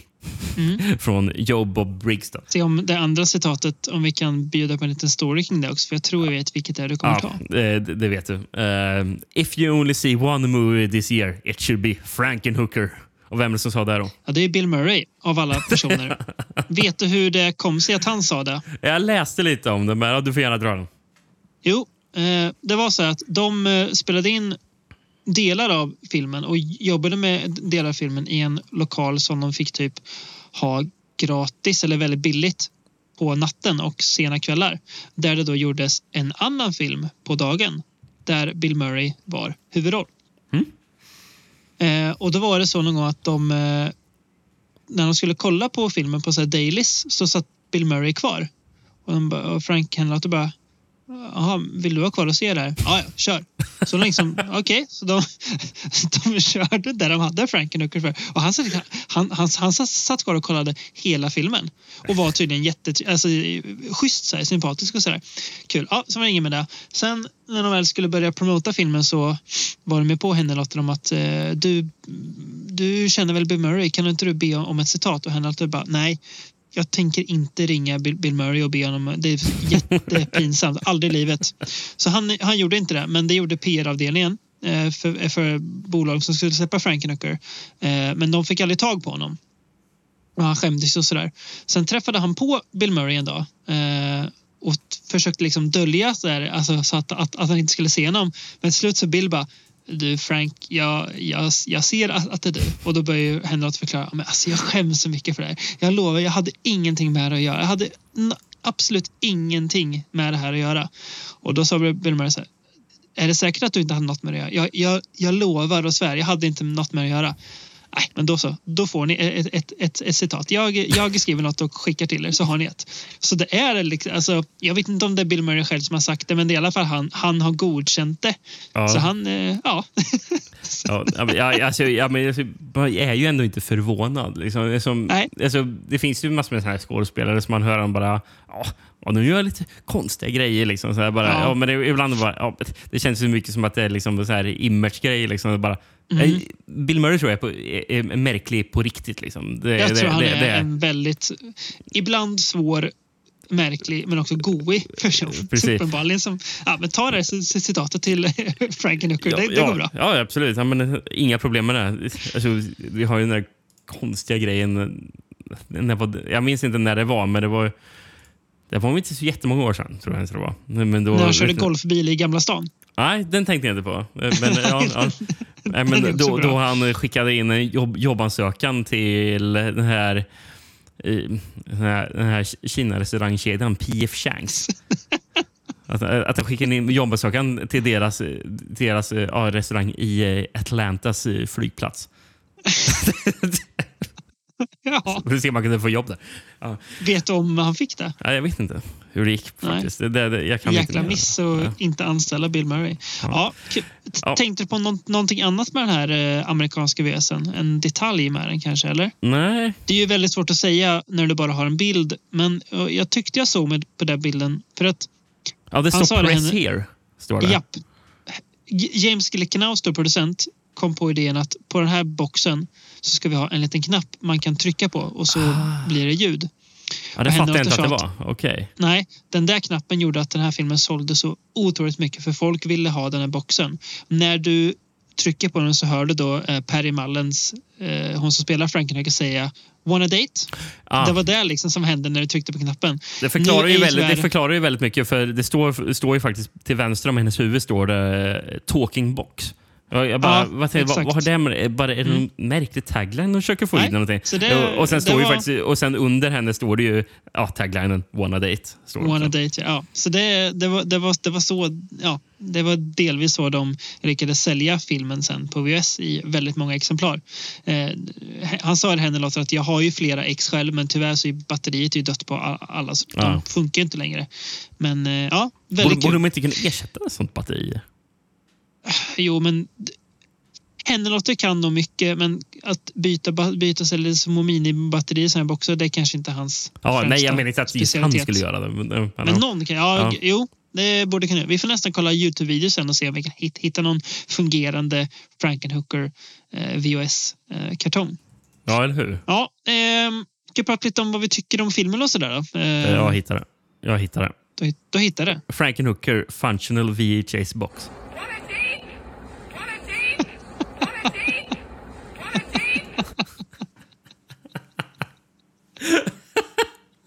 Ja. Åh, det, man vill ju Ja. ha den där.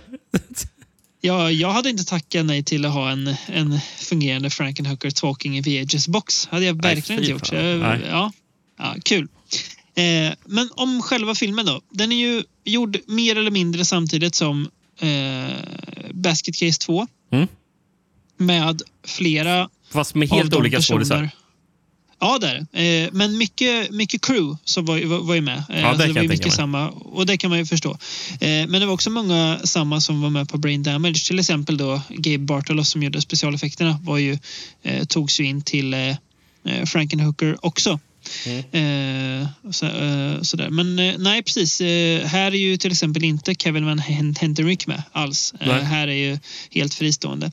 Här har vi istället James Lawrence som spelar huvudroll som vi också har pratat om eh, i Smältfilmsavsnittet för han är med i Street Trash. Mm. Sen har vi då... Sen, vet du vad han också varit med i? En annan väldigt, ny, en annan väldigt New Yorkig film och en person vi har nämnt. King Mm. of New York. King of New York, Abel Farah. Ja, just det. Mm. Sen, Eh. sen var han faktiskt med i en eh, film, eh, en ny film. Mhm. En väldigt liten roll dock. Men jag, jag Mm. blev först bara, va? Är han med den? För, det, för han, James Lawrence är med i The Irishman. Oj! Ja. Scorseses, eh, ja. Mm. Intressant. Han, han står i rollen, han var inte nästan längst ner på hela listan. Va? Ja. Men han står, han står som Hoffas Rally Teamster number one. Men ändå med, han är ändå med i filmen. han ligger som ett det, ja. Ja, exakt.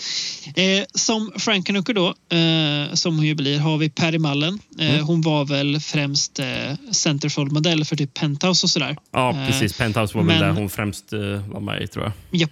Men är också med i Doom Asylum. eh, En film vi inte har pratat om i podden än.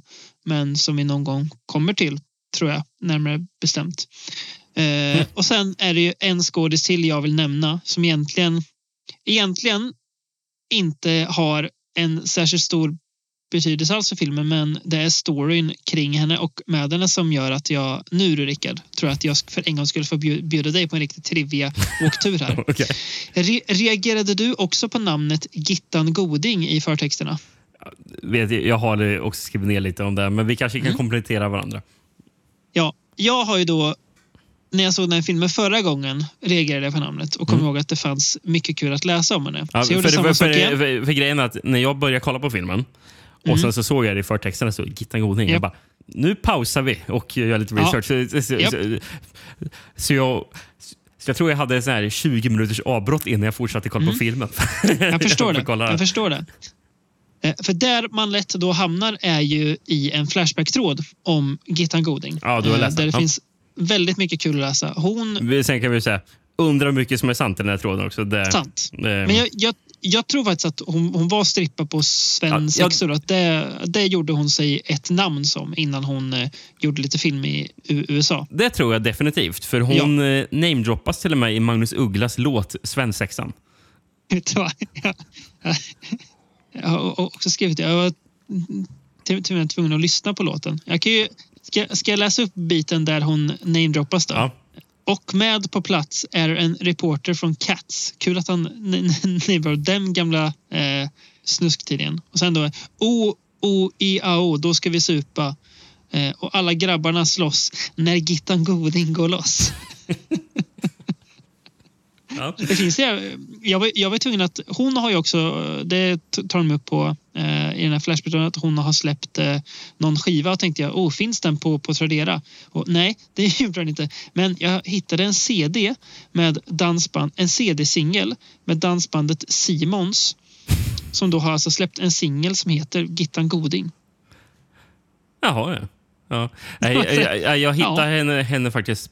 Eh, Hon dyker upp på Discogs som eh, Ja. sån här additional personnel. eller Någonting, att de står som sån ba- background singing på något brittiskt eh, typ new wave-band från 80-talet. På någon, på någon skiva stod de med som. Ja. Och sen var det på någon svensk sån här samlingsskiva också. med ja, Det var så här gott och blandat. Mm. Eh, ja, nej men, det verkar ha varit ett stort namn ändå. En legend.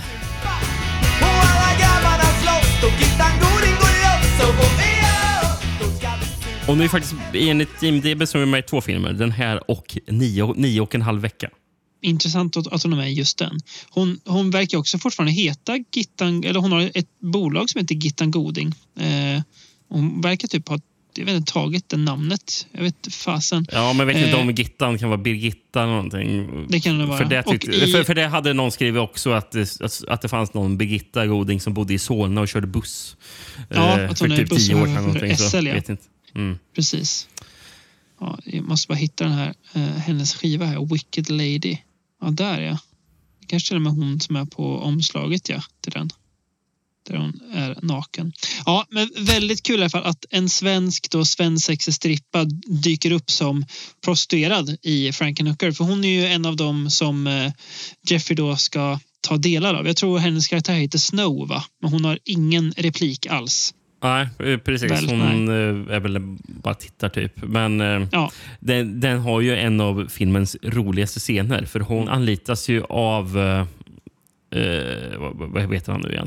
Eh, av, Jeffrey. Ja, han, hon anlitas ju av Jeffrey tillsammans med några andra prostituerade. För att, Yes. Alltså, grejen är ju att e- efter den här olyckan med eh, gräsklipparen så får ju Jeffrey idén Mm. att bara, okej, jag ska bygga upp henne igen. Så Mm. blir ju så här, ja, Fra- Frankensteins monster. Liksom. Ju, Mm. eh, men, men då tänker jag bara, ah, okej, nu, ska jag, nu åker jag till New York och letar upp prostituerade för att liksom, Mm. sy ihop henne. Eh, Mm. Och de här, då hittar han ju alla de här prostituerade. Mm. Varav Japp. Gita Goding är en av dem. Mm. Och sen så följer en otroligt kul scen då ehm, han ska typ inspektera alla bara. Eh, och, Japp. och, och de vet inte att, varför han gör det, men, men han gör det bara för att okej, nu hittar han de bästa delarna. Liksom, för att, Alltså, hans för- för- för att grundtanke det- är väl att, att eh, hitta den perfekta kroppen. Va? Alltså, han, Jaha, egentligen det- det- vill han väl hitta en kropp tror jag. Ja, alltså att Jaha, han ja, det är vill... så det är. Okej. Ja. Och, och, sen blir det delar på grund av utfallet från den scenen. Mm, precis. För, Eh. för, för, för, för det finns ju någonting i, i den här filmen också som nämns Mm. många gånger som Mm. får mig att tänka väldigt mycket på street trash. Ja. För i, den här filmen som har de ju... Det, det är inte sprit som är farlig. Den här. Det, är inte, det är inte Viper som de dricker. Utan i den här filmen så har de ju super crack. ja, exakt. Som är ganska farligt va? Ganska farligt. För scenen ja. slutar ju med att alla de här prostituerade exploderar. Japp. De självantänder typ. Och ja, mer eller mindre. Mm. Och då har han ju inte så mycket val förutom att plocka de, de delar som är brukbara. Och, eh, ja. ja, det är precis. Det är därför det eh, mm. bara blir delar. Jag läste ju någonting om att eh, efter de hade filmat den scenen så hade, så hade de slut, fått slut på pengar. eller, eller, eller producenten hade sagt att ja, men, ja, ni, eller nej, nej, nej, nej, ni har slut på pengar för, för pyroteknik. Ja. Vi, vi, vi har inte råd att lägga mer pengar på pyroteknik. Och då hade ju, och då hade ju Henny Lotter sagt How the fuck am I gonna film the lab scene? uh, och, eh, och då hade han tydligen uh, ringt in så att de hade använt någon slags unlicensed pyrotechnics. Det, ja. Ja, och, och, då, och då så hittade jag ett citat från um, Lawrence. Att, um, när de höll på att skulle färdigställa eller, eller rigga för att filma den lab, lab scene så hade någon av de där Pyrotechnics eh, sagt Don't worry, it's maybe safe. Inte jättebetryggande ord att höra. Det, Nej, det är kanske ofarligt. Det är det sista man vill höra. Det, det är kanske ofarligt. Ja. ja, just det. Ja, det var ju kul. Eh, det är ju det är väldigt det är ju väldigt kul scen också när de här prostituerade sprängs. För det är så himla over the top eh, hur de sprängs och det åker delar åt alla håll. Det är ju någon, någon liten, ett klipp där vi ser där vi följer of view ett ben som, som flyger över hela rummet eh, när ja. det har sprängts. Så.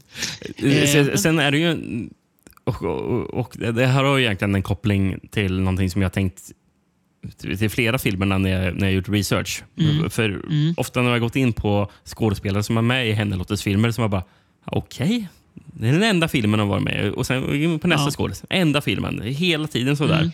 Och eh, jag fattar, det här är Hennelottes första film som man hade skådisar eh, som var med i SAG. Alltså yep. Screen Actors Guild va? Deras fack typ kan man ja. säga. Mm. Mm. För det hade han inte an använt av tidigare. Nej, det är väl billigare att ha non-union actors tror jag. Ja, såna, att, eh, ja. Och då är det ju bara massor med ja, löst folk som, man, som man har hittat. Är det bara, oh, och, det, och, det, och, därför har de bara mm. varit med i den filmen. Då. Uh, mm. för, för, det är ju någonting man är van med att se om man, om man kollar på typ shot on video eller någonting. Eller kollar på något ja. riktigt så här grejer. Ja. Men ändå, det här är ju ändå så pass stora filmer som man tycker att ja, de borde varit med något mer än. Mm. Men, men ofta är det bara den filmen eller bara henne Lotters filmer som de har dykt upp i. Mm, precis. Uh, men då hittade jag en grej om att problemen råkade på då. Det var ju att mm. det var inga av de här uh, SAG-tjejerna uh, som ville vara nakna i filmen. Nej. Och, så, så, och jag, jag, antar att det måste vara till just den, särskilt den här scenen med, med alla prostituerade som exploderar. Mm. Som det är så mycket naket i den. Så han hade dragit till, till, till något ställe som heter Billys Topless Bar och, och letat mm. upp tjejer där. Och mm. Efter ett tag så hade han eh, ett gäng eh, strippor eh, mm. med, med kontrakt. Eh, som, som, som, och alla blev också då medlemmar i SAG.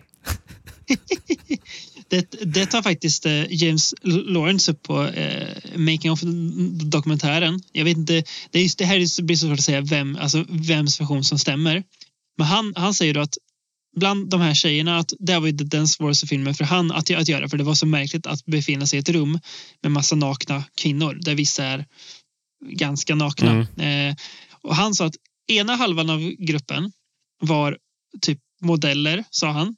Andra halvan var porrstjärnor och att de typ snackade skit om varann, de här olika grupperingarna och såg ner väldigt mycket på varandra. Ja. Eh, jag har ju kollat, någon av, av tjejerna är, har ju gjort porr också. Okay. Eh, I alla fall. Vet. Så det var väl, ja, det kanske, sanningen ligger väl kanske lite i båda versionerna.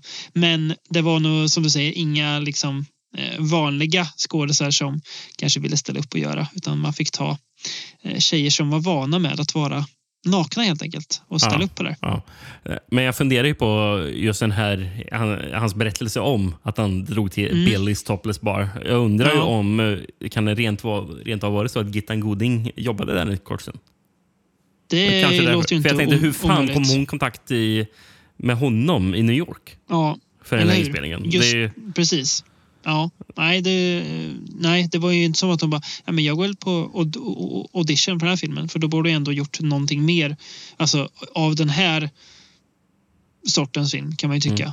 Än att bara gjort. Ja, nej, men det, det kan nog stämma att hon eh, fick jobb på en strippbar. Och då är Eh, frågan, fick hon jobb i nio och en halv vecka på grund av att hon förmodat då var med i SAG? Det får man väl kanske tro. Att, jag, jag vet inte hur det fungerar, men, men kanske går det liksom Nej. att leta i någon databas där och säga bara, okej, Ja, hon var med i den här filmen. okej, och Hon, hon gör naket. kan göra det här. För jag, jag förväntar mig nio och en halv vecka, att, eh, för den är väl en erotisk... Uh, Japp. Är det, Thriller. är, är det en thriller? Ja, jag tror det. Vi- Vilka är med i den? Är inte det Mickey Rourke och Kim Basinger? Basinger? Ja. Basinger. ja, det är det va? Ja. Tror jag. Ja. ja. Jag tänkte att Mm. det måste vara... Det är snusk i alla fall i den, eh, vågar vi väl tro. Vad har vi mer att säga? För det finns, ju- alltså, vi ju fastnar ju länge för det finns så mycket att säga om den här filmen. Ja, Eh, alltså det är konstigt det här också med vår huvudroll som går omkring och gång på gång typ lobotomerar sig själv med, med en borrmaskin. Mm. Va, va, Han kör jag, jag, fattar, borr, va, varför gör han det? Jag fattar aldrig riktigt. Det säger ju skådisen själv att jag fattar inte riktigt heller varför jag gjorde det. Men Det är bara En- någonting han skulle göra. händer något och vill att jag ska göra det så ja, ja. Eh, nej, jag, jag tar det typ som att han gör det för att få vissa av de här id- idéerna han får. Men det är Mm. inget, det är inget som framstår glasklart. Och det är så här, så här, har han gjort det här innan? det är- ett jättekonstigt inslag. Och så, borde han inte dö annars in en borrmaskin i hjärnan? Eh, men, eh, men det som är in, intressant tycker jag med den här filmen eh, eftersom att den är gjord så nära Basket Case 2 är att jag tycker den funkar så mycket bättre än vad Basket Case 2 Ja, ja verkligen. Ehm, den här är mycket roligare. Är den. Det är mycket roligare, eh, mycket bättre tempo, mycket så, så här, alltså, det känns som att han går över gränser här, eh, Hennelotter, som funkar väldigt bra. Alltså så här, det blir kul, det är inte provokativt för sakens skull utan eh, det, är, det är väldigt kul. att se Den som att han vill testa lite grann, hur långt kan jag gå? Ja men så här kan jag göra, ja, men då tar vi det li- lite till. Mm. Ehm, också så bra hantverk, eh, tycker den här. Eh, en, det det är mycket, det är mycket så små grejer som bara dyker upp som är skevt. Det är nå- någon gång i slutet när han eh, jagar henne då, eh, när hon, hon rymmer eh, Frankenhooker. Eh, hon drar till Times Square och han springer runt och stöter på en snubbe som står och pratar svenska med honom. Och han säger What are you? Some, some kind of Swede? Are you talking Swedish to me in Times Square? Jag skriver ner exakt det citatet. Så jävla bra. You're talking to me in Swedish in Times Square. a tall, attractive girl. She's got a sexy purple outfit on. She's got a scar on her neck. She's very sick. Hey, excuse me. Please, you gotta help me out here. I'm looking for my girlfriend. She's very sick. I gotta get her medicine. She's she's tall. She's got uh, she's purple. She's got some some scars on her. A purple outfit. Have you seen her around here? Oh ja, fyra av dem. Och jag vill ha två för mig själv. What are you talking about? What are you, some kind of a Swede? You're talking to me in Swedish in Times Square. Så jävla konstigt. Och Men- den skådisen tror jag är norrman. Ja. Eh, Vill du veta? Jag har grejen på honom. Kör. Jag kollar bara upp hans land. Mm. Eh, A- Avind Harum heter han. mm, exakt. Eh, och han dyker upp i en Batman-t-shirt där. Eh, ja, ja, precis i, eh, precis i eh, filmen ja. Mm. Eh, ja, Men jag har lite annat. Som, han dyker upp i en annan film, och också, som, också som svensk, roligt. Mhm. Han dyker upp som svensk ambassadör i eh, Nighthawks. Ja, den eh, Stallone-filmen Mm. va? Mm. Gör han. Eh, Svensk ambassad. Han var alltså en, en norrman som fick spela svensk. Ja, eh, Men han, jag, han, jag tror han börjar som... Han, han, för han har ju grejer som är creditade tidigare. Typ eh, i, Mm. i början på 70-talet. Eh, Mm. Han... Och han jag, jag, jag tror han var så musikaldansare. Eh, eller, Mm. eller jobbade med musikaler i alla fall, gjorde han. Eh, så han har ju en IMDB, IMDB-credit som är att han jobbar som koreograf på filmen Song of Norway. Och, Song of och, Norway. och jag jag bara, alltså, finns det här? Alltså, alltså, eh, Ja. Vet du vad Song of Norway är? Nej. Det är en amerikansk, alltså, en amerikansk film om Edvard Grieg. Ja. Varför, varför finns en biopic om Edvard Grieg gjord i USA? Det, det, är, så det är helt, otroligt. Ja, hur stor är egentligen Edvard Grieg i USA? Ja. Ja, Det, ja. Ja. Men vi kommer till det konstiga, eh, apropå hans eh, musikal eh, koreograf eh, karriär. För tillsammans med en kille som heter Doug Collins eh, så skulle han göra en film som heter An American in Bethesda. Eh, 71. Som skulle vara världens första vaudeville-porrmusikal. Mm. Vad är egentligen vaudeville för något? Ja, men det är ju sån, det är en sån här scenshow. Så, så här, så här, raunchy scenshow är väl. Som Ja, okej. dansar Ja, liksom. mm. Mm. eh, tror jag att det är. Om jag, Ja. jag, alltså jag, jag, Du är ingen expert jag, på om, området. Nej, så jag kanske har jättefel. Men det är så Ja. jag förknippar det med. Liksom. Det låter Alltså, ju eh, rimligt. Alltså, alltså jag tänker mig så här, så här 30, alltså 20-30-tal. tänker jag mig, eh, kanske Lite så- runt den tanken. Bur, bur, burleskshower och sånt? eller? precis. Men kanske inte Ja. lika eh, stötande som burlesk. Eller jag, jag vet inte. Ja. ja. Hur som helst i alla fall. Men, men det skulle Ja. vara en vaude- vaudeville, porn musical. About Vietnam veterans. Så det skulle vara på ett, ett veteransjukhus. Skulle den utspela sig på. Som skulle vara, så det skulle vara porr på Vi- Vietnam veteransjukhuset och sen skulle det vara vaudeville-akter också. Och musikal. Ja, ja. Eh, grejen är att filmen var ju typ osäljbar. Mm, det kan jag ju förstå. Och eh, det blev ingenting av den förutom eh, förrän då en kille som heter Sean Costello arbetade om den och eh, la till mer eh, foto. Jag vet inte om det var mer porrscener eller vad han ju ändrade på. Eh, och det var ju 90, 1974 då. Eh, Mm. och det gjorde han för, jag tror att de var no distributörer, någonting. Teddy Kariofilis och Tom Giolos som ägde någonting som heter The Capri Theatre. Och då blev filmen omdöpt till Teenage Nurses. Och har, Och den filmen finns alltså? den finns ja, precis. Och jag har ett, Den finns, jag har ja. ett citat från han Sean Costello som arbetade om filmen. Ja. Uh, Doug uh, couldn't sell this thing to anybody, so Bill Markle and I bought it. Added some more sex scenes, a laugh track. and sold it to Teddy and Tom, the Greeks who owned the Capri Theatre as teenage nurses. Audiences were horrified. The Greeks were pissed. and Al Goldstein said the following about teenage nurses. Porno pornography loses its innocence and succumbs to moral rot in this puker. This puker. I thought I had died and gone to heaven. Helvete. Ja, det är... Eh, och sista jag har på den. Den, den filmen har faktiskt en svensk titel. Mhm. Porrsugna sexbrudar. Vilket år kom den sa du? 74. 74. De, de filmade först Porrsugna 71, sexbrudar. men kom f- 74 först. Vad, vad, vad sa du att den hette på engelska? Teenage Nurses. Teenage Eller An American Nurses. in Bethesda. Den finns på Letterboxd så eller? Eh, IMDB i alla fall. Eh, ja, den finns faktiskt inte med på Letterboxd. Den kanske är kanske lite svår att, eh, att hitta den här, här filmen. Eh, jag skulle gissa på det. En väldigt bra titel.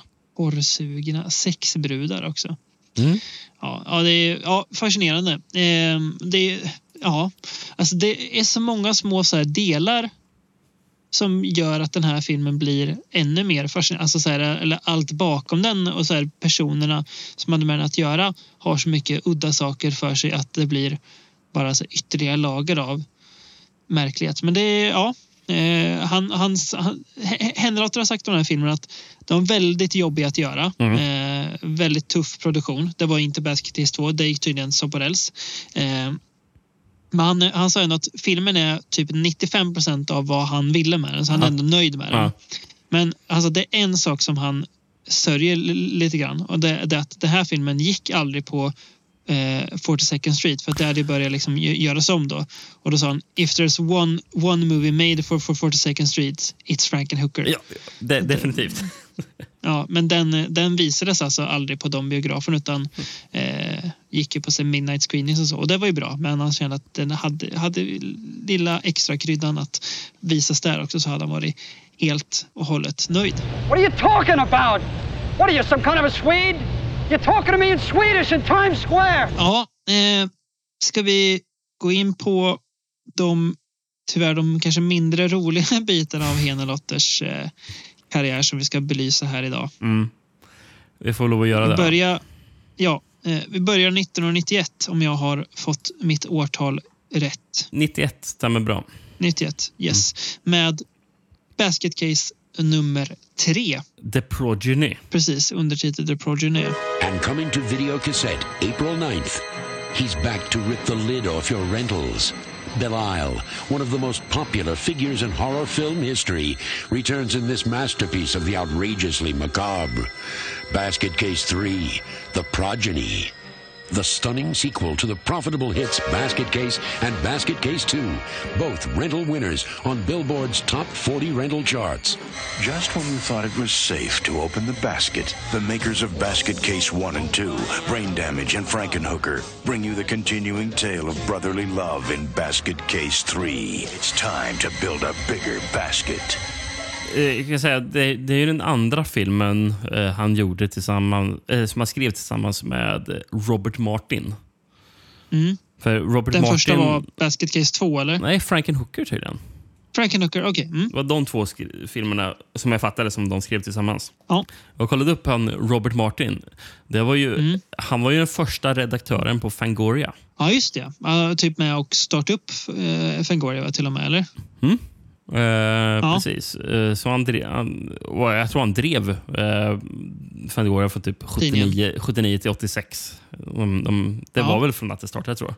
Ja, Eh, det startades jag, vet, jag, vet inte om, jag vet inte om 75. man räknas som typ grundare eller, eller om man bara var en, en av de en av viktiga dem där. i alla fall. Ja. Mm. Eh, Så ja, Eh, så han hade den bakgrunden.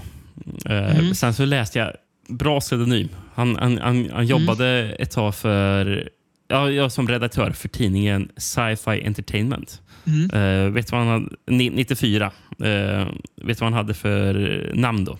Nej. Ed Flixman. Ja, det är bra. Ja. Och, och, och ro, roligt är Sci-Fi Entertainment. Den var den Mm. officiella tidningen för The Sci-Fi Channel. Den fanns redan då alltså. Mm. Och de hade en egen tidning då, Sci-Fi Channel. Ingen tidning. Ja. Och, ja, var, eh, allt var bättre förr. Ja, och, och sen, jag, läste att han, han avled eh, 2020 gjorde han. Men Mm. den, den här sista trivian som jag såg på hans IMDB-sid. Så här konstigt liksom, vad, han har jobbat med tidigare. Och så bara, Mm. As of January 2006, he is working as a blackjack dealer in Las Vegas. Från att ha startat Fangoria till, ska jag lite manus till det. Ja, Ja. varför inte? Alla ska göra en karriär. Ja, eh, vad har du för rolig VS på Basket Case 3 då? Att bjuda oss på? Ja, för, en, Kära. för trean har ju inga titlar alls. Nej, jag antog nästan Mm. att det inte fanns det. Eller jag vet ju inte, för sig. När jag kollar på den VSen jag ska läsa upp, det är en tysk VS. Mm. Mm. Eh, så står det eh, Basket Case eh, Dry blir det ju då. Eh, och sen Mm. står det Die Brut. Är det bruden eller? Ja, det måste det vara. Apropå filmen liksom, så det kan ju, Ja. måste vara det va? Mm. Ja. Som alla vänner till det infernala paret av bröder vet hade Belial blivit kär i en vacker monsterflicka. Denna kärlek förblir intet utan konsekvenser och Eva förblindade i 12 eller 13 små onda Belials. Men sheriffen får vind av detta monster multiplikation. Hans assistenter kidnappar barnen och dödar Eva i processen. Belial, den stolta fadern, ser blodröd och rastet total. Det är inte ett ord. Eh, hans, Nej, hem, verkligen inte. Rastet total. hans hämnd är obeskrivlig. Mm. Men annars, eh, annars rätt. Det, där gick ju översättningen relativt smärtfritt i alla Ja. fall. Eh, Belial ska bli, bli farsa, eh, men ja, han får ju anledning att hämnas då istället för folk runt om gillar ju inte de där freaksen riktigt. Men det, det ska de att få äta upp, kan man säga. Den har ju faktiskt en bra tagline. Mm. It's time to build a bigger basket. Ja, den är bra. Det. Särskilt med, med tanke på vad filmen ha- handlar om. Ja. Ja. men det är bra. Jag vet liksom inte hur jag ska gå in i den här filmen. Ehm, Mm. Jag kan börja med att säga så här. Det jag ändå får ge filmen, eh, för det här är ju ännu mer komedi än vad tvåorna. Det liksom fortsätter på det. Eh, Går all Och- in på det kan vi säga. Ja, eh, och jag får ändå säga så att Henrik i det här fallet försöker göra, alltså det blir inte för pubertalt och för fånigt. Det kommer vi till sen. Utan det hålls ändå alltså på en nivå som ändå känns någorlunda tematiskt i linje med eh, i alla fall Basket Case 2, kanske lite så här Henelotter generellt. Man kan i alla fall se, ja men det är en Frank Henelotter-film, kan jag fortfarande ändå känna igen. Mm. Även om det är mycket mer Alltså alla, alltså det är fel att säga att någon av basketfilmerna är särskilt mycket skräckfilm och sådär. Det finns ju något komiskt i alla. Men det här är ju mer bara ren komedi. Mm. Lite som, alltså lite samma utveckling som Evil Dead-filmerna har fast ännu mer Ja. alltså, komediet här. Eh, men precis som att Raimi gick mer mot att göra Three Stooges-filmer så eh, gör ju eh, Hennelotter, eh, inte Stooges-filmer men eh, komedifilmer. Jag tycker, Och- jag, kan, jag tycker att jag kan se... eh, Om, om, om jag sa förra filmen, eh, förra Basket Mm. Case, alltså att den kändes lite så här Ljusna-aktigt. Ehm, Mm. Och nu så känns det som att ja, nu vi gått... Det är bara 91, men det känns som att eh, för att jämföra med just när relaterat och sånt, eh, just Mm. relaterade personer. Eh, Så känns det det här skulle kunna vara så här 95 och eh, full moon. Ja. Vi har gått in i den eran redan nu. Ja. gjort. För det är väldigt tramsigt. Det är, och det är det som jag, jag det, här, det här är tramsigt och det är det som gör att jag, jag tröttnar faktiskt väldigt fort i den här Ja. filmen. Basket Case 2 Det, tycker alltså, jag ändå det, det, finns ga, det här. är gapigt. Där. Ja, är bra, det var bra beskrivet. Det, är gapigt och väldigt skriket. Eh, och det tror jag väl att så här, eh, jag, kan, jag kan tänka mig att det här är väl kanske den, om man tänker Henelotters, eh, om man inte räknar med hans sista slash senaste film då, den här filmen som folk kanske gillar minst Mm. generellt. Eh, för det, det känns som att han tar ett steg mot någonting annat än vad han har varit in, innan. Mm, grejen är Eh, ju, men det- jag läste ju att han var ju väldigt styrd av producenterna här. Var han. Mm. ju- fick plocka bort 11 sidor från manus för att producenterna ville göra Oj. den mindre gory. Mm. Så det är många scener som egentligen bara, åh, det, bara åh, det kanske hade varit roligare om det hade varit våld. För det hade kanske blivit så bara, alltså det här galenskapen kanske hade alltså, fungerat bättre bara för att det var rent Mm. vansinne. I, alltså, alltså bara, oh, det är våldsamt och sånt där. Men nu, nu är det bara, ja, det är massor med dockor som sitter och skriker. Eh, och det, bara, det, blir, det blir aldrig kul att kolla på. Nej. nej Eh, och och, och, och Mm. det, sen, Henne Henne Lotter ska ju tydligen själv vara eh, väldigt besviken på resultatet av den här Mm. filmen. Eh, Ja, men det känns, alltså, det känns inte lika mycket som en Henrot-film. Även om man fortfarande kan se att det är det så känns det som att det inte är lika mycket. Eh, det är som säger, våldet är ju mycket mer frånvarande här. Och det är nog något som alltså, har en rätt central roll i de tidigare filmerna. Mm. Kanske framförallt i eh, Brain Damage och första Basket Case. Men som också har en, alltså, en viktig roll. De, de, alltså, det gör någonting för att filmen ska funka. Mm. Och då blir det väl som att ja, här så funkar inte riktigt filmen längre för att man tar bort en, en viktig beståndsdel som någonstans behöver vara med för att man ska underhållas. Mm. Eller man ska säga. Sen så jag fattar det som att han, eh, att han ångrar också att han så sna, snart efter Basket Case 2 gjorde en till uppföljare. Eh, Mm. För han hade ingen alltså, egentligen alltså, tydlig idé om vad filmen skulle handla om. Nej. Eh, Så, alltså, han kanske själv också medger att den var inte genomtänkt heller. Nej, den, den gick av bara farten och för att han faktiskt fick göra film. Mm. Ja, jag vet inte, jag, jag, jag, har liksom, jag har inte så mycket mer att säga om den. Eh, Nej. Har du? Nej, nej. Alltså, eh, men alltså grejen är att jag, jag, kan ju- nämna förresten, å, återigen, för Annie Ross dyker ju upp här igen som hon, eh, heter han, Ja. Grandma... Uh, Granny Ruth. Granny Ruth, ja. Eh, och att jag tyckte hon fungerade i förra filmen. Mm. Här är hon ju bara irriterande. Jag tycker inte hon Ja. är något kul alls i den här filmen. Eh, Nej, och, det är egentligen och, bara... Och, och apropå hennes här, eh, här musik, musikbakgrund. I den här filmen Ja. får vi, eh, har hon ett eget sångnummer. Mm. Jag bara, ja, okej. Ja. Är det ja, det men vi ska ha här? Ja, men exakt. Är det här vi har hamnat nu?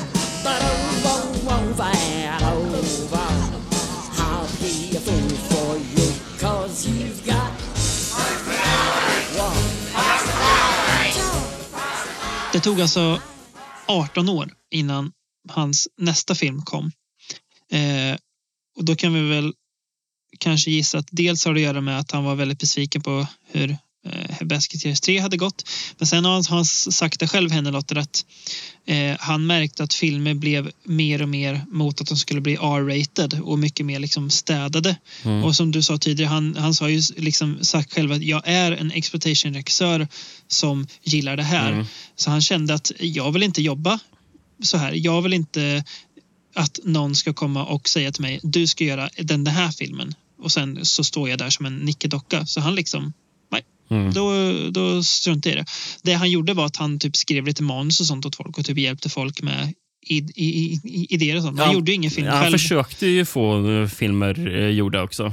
Som aldrig blev av. Ja, men det, Eh, nej, han- det var väl kanske han märkte att det skulle, ja, vet inte, det kanske inte heller skulle bli riktigt det han ville. Nej, men han hade ju en film som han ville göra som, het, som hade titeln Mm. Sick in the Head. Ja, Eh, jag vet det. inte riktigt när det var tänkt att han skulle göra som det redan Nej. var på 90-talet eller om det var tidigare på 00-talet. Mm. Men det var ju en av idéerna han ville göra. Eh, sen så gjorde han ju... Eller, han, han började jobba för... Eh, och släppte, video, eh, släppte eh, typ restaurerade videos på Something Mm. Weird Video. Han var väl med och drog igång Something Weird tror jag till och med va? Ja, i alla fall under, I alla fall- und- undergrejen. Ja. Eller så här, Ja. um, För han, precis, för han var ju med och eh, restaurerade massa sånt. Alltså så här, verkligen am- amerikansk lågbudget trash Mm. från typ 50, 60, 70-talet. Ja, Eh, precis. Eh, De, Mm. gav sig ut under Something Weird och då hade de som en egen grej att det stod Frank Henry Lotters Sexy Shockers. Så, Ja, okej. Som, som gav ju en, ut eh, eh, The Curious Dr. Hump Mm. från 71. Den, vet jag, den finns ju på Blu-ray nu från eh, vilka då tror du? Eh, Vinegar Syndrome. Ja, nästan Agfa, Agfa, som ju okej. jobbar med Vinegar. Ja. Ja. Agfa känns det som det är en förlängning eller en förgrening av Something Weird. Det är liksom typ samma människor som jobbar där. Ja, Okej, ja, det är så pass. Eh, Ja. Men eh, det, vi, vi det också för- förresten nämna att det var ju egentligen tanken att de skulle göra en film innan eh, Brain Damage som skulle heta Insect City som aldrig blev av. Det var eh, ingen som gick igång på den titeln och bara det här kan vi inte göra. Det gjordes ju till och med så props alltså Gjorde det? för stora typ kackerlackor men äh, det blev aldrig av så det blev Brain Damage istället. eh, men om vi ska ta då hans eh, för tillfället sista film och senaste film eh, så har vi då 2009 års Bad Biology. Ja, jag trodde det var 2008. Ja, det kanske det är. ja, På min DVD som jag faktiskt har från Njuta film står det 2009. Det kan säkert vara 2008. Eh, ja, 17, ja, men det är någon, någonstans där. 0809. Eh, mm. Eh, ja, eh, Bad Biology alltså.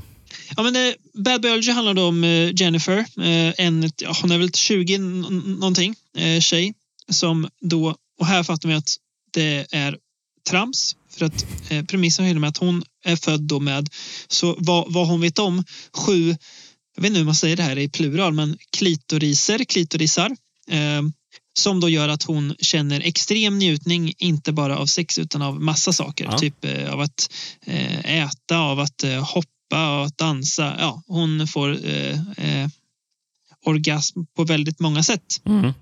Men hon, hon ligger runt vä- väldigt mycket för hon har en väldigt stor sexuell aptit men känner väl att det finns inte riktigt någon man som kan tillfredsställa henne nog. Mm. Eh, dessutom föder hon ju barn då efter varje ligga också, ett litet, en liten mutantbebis. Men till slut träffar hon då på en kille som har, eh, som det står i på N- N- Njuta-DVD när de ska vara lite fyndiga, ett monster i byxorna. Mm. Han har alltså en eh, enorm Mm. monsterkuk. kan man Ja, säga. ja, ja. Ja. Ja, men alltså, ja, jag tycker ändå lite, när du sättet du, där du sa innan du började beskriva det. Det tycker inte jag. Så på, på det du beskriver det så hade jag kunnat tänka bara, ja, hade, man, hade han gjort det här 1990 samtidigt som Frankenhooker bara, ja, den där handlingen hade kunnat fungera. Ja. Eh, absolut, eh, det Jo. tror jag. Det är mer bara eh, själva hantverket som är problemet eh, som vi jo, väl kommer det. till här. Jag har, jag har faktiskt skrivit samma sak. Att jag, jag, jag, tror att filmen till och med hade kunnat bli kul om den hade gjorts när han gjorde, gjorde film då, inte nu. Det är så mycket. Man, det är ju många röd flagg med den här filmen. Och först är det när det står att det är en R.A. The Rugged Man production i början. Tänk, man, tänker så här, är inte han någon, det är någon hiphoppare? va, Ja, det eller? är det.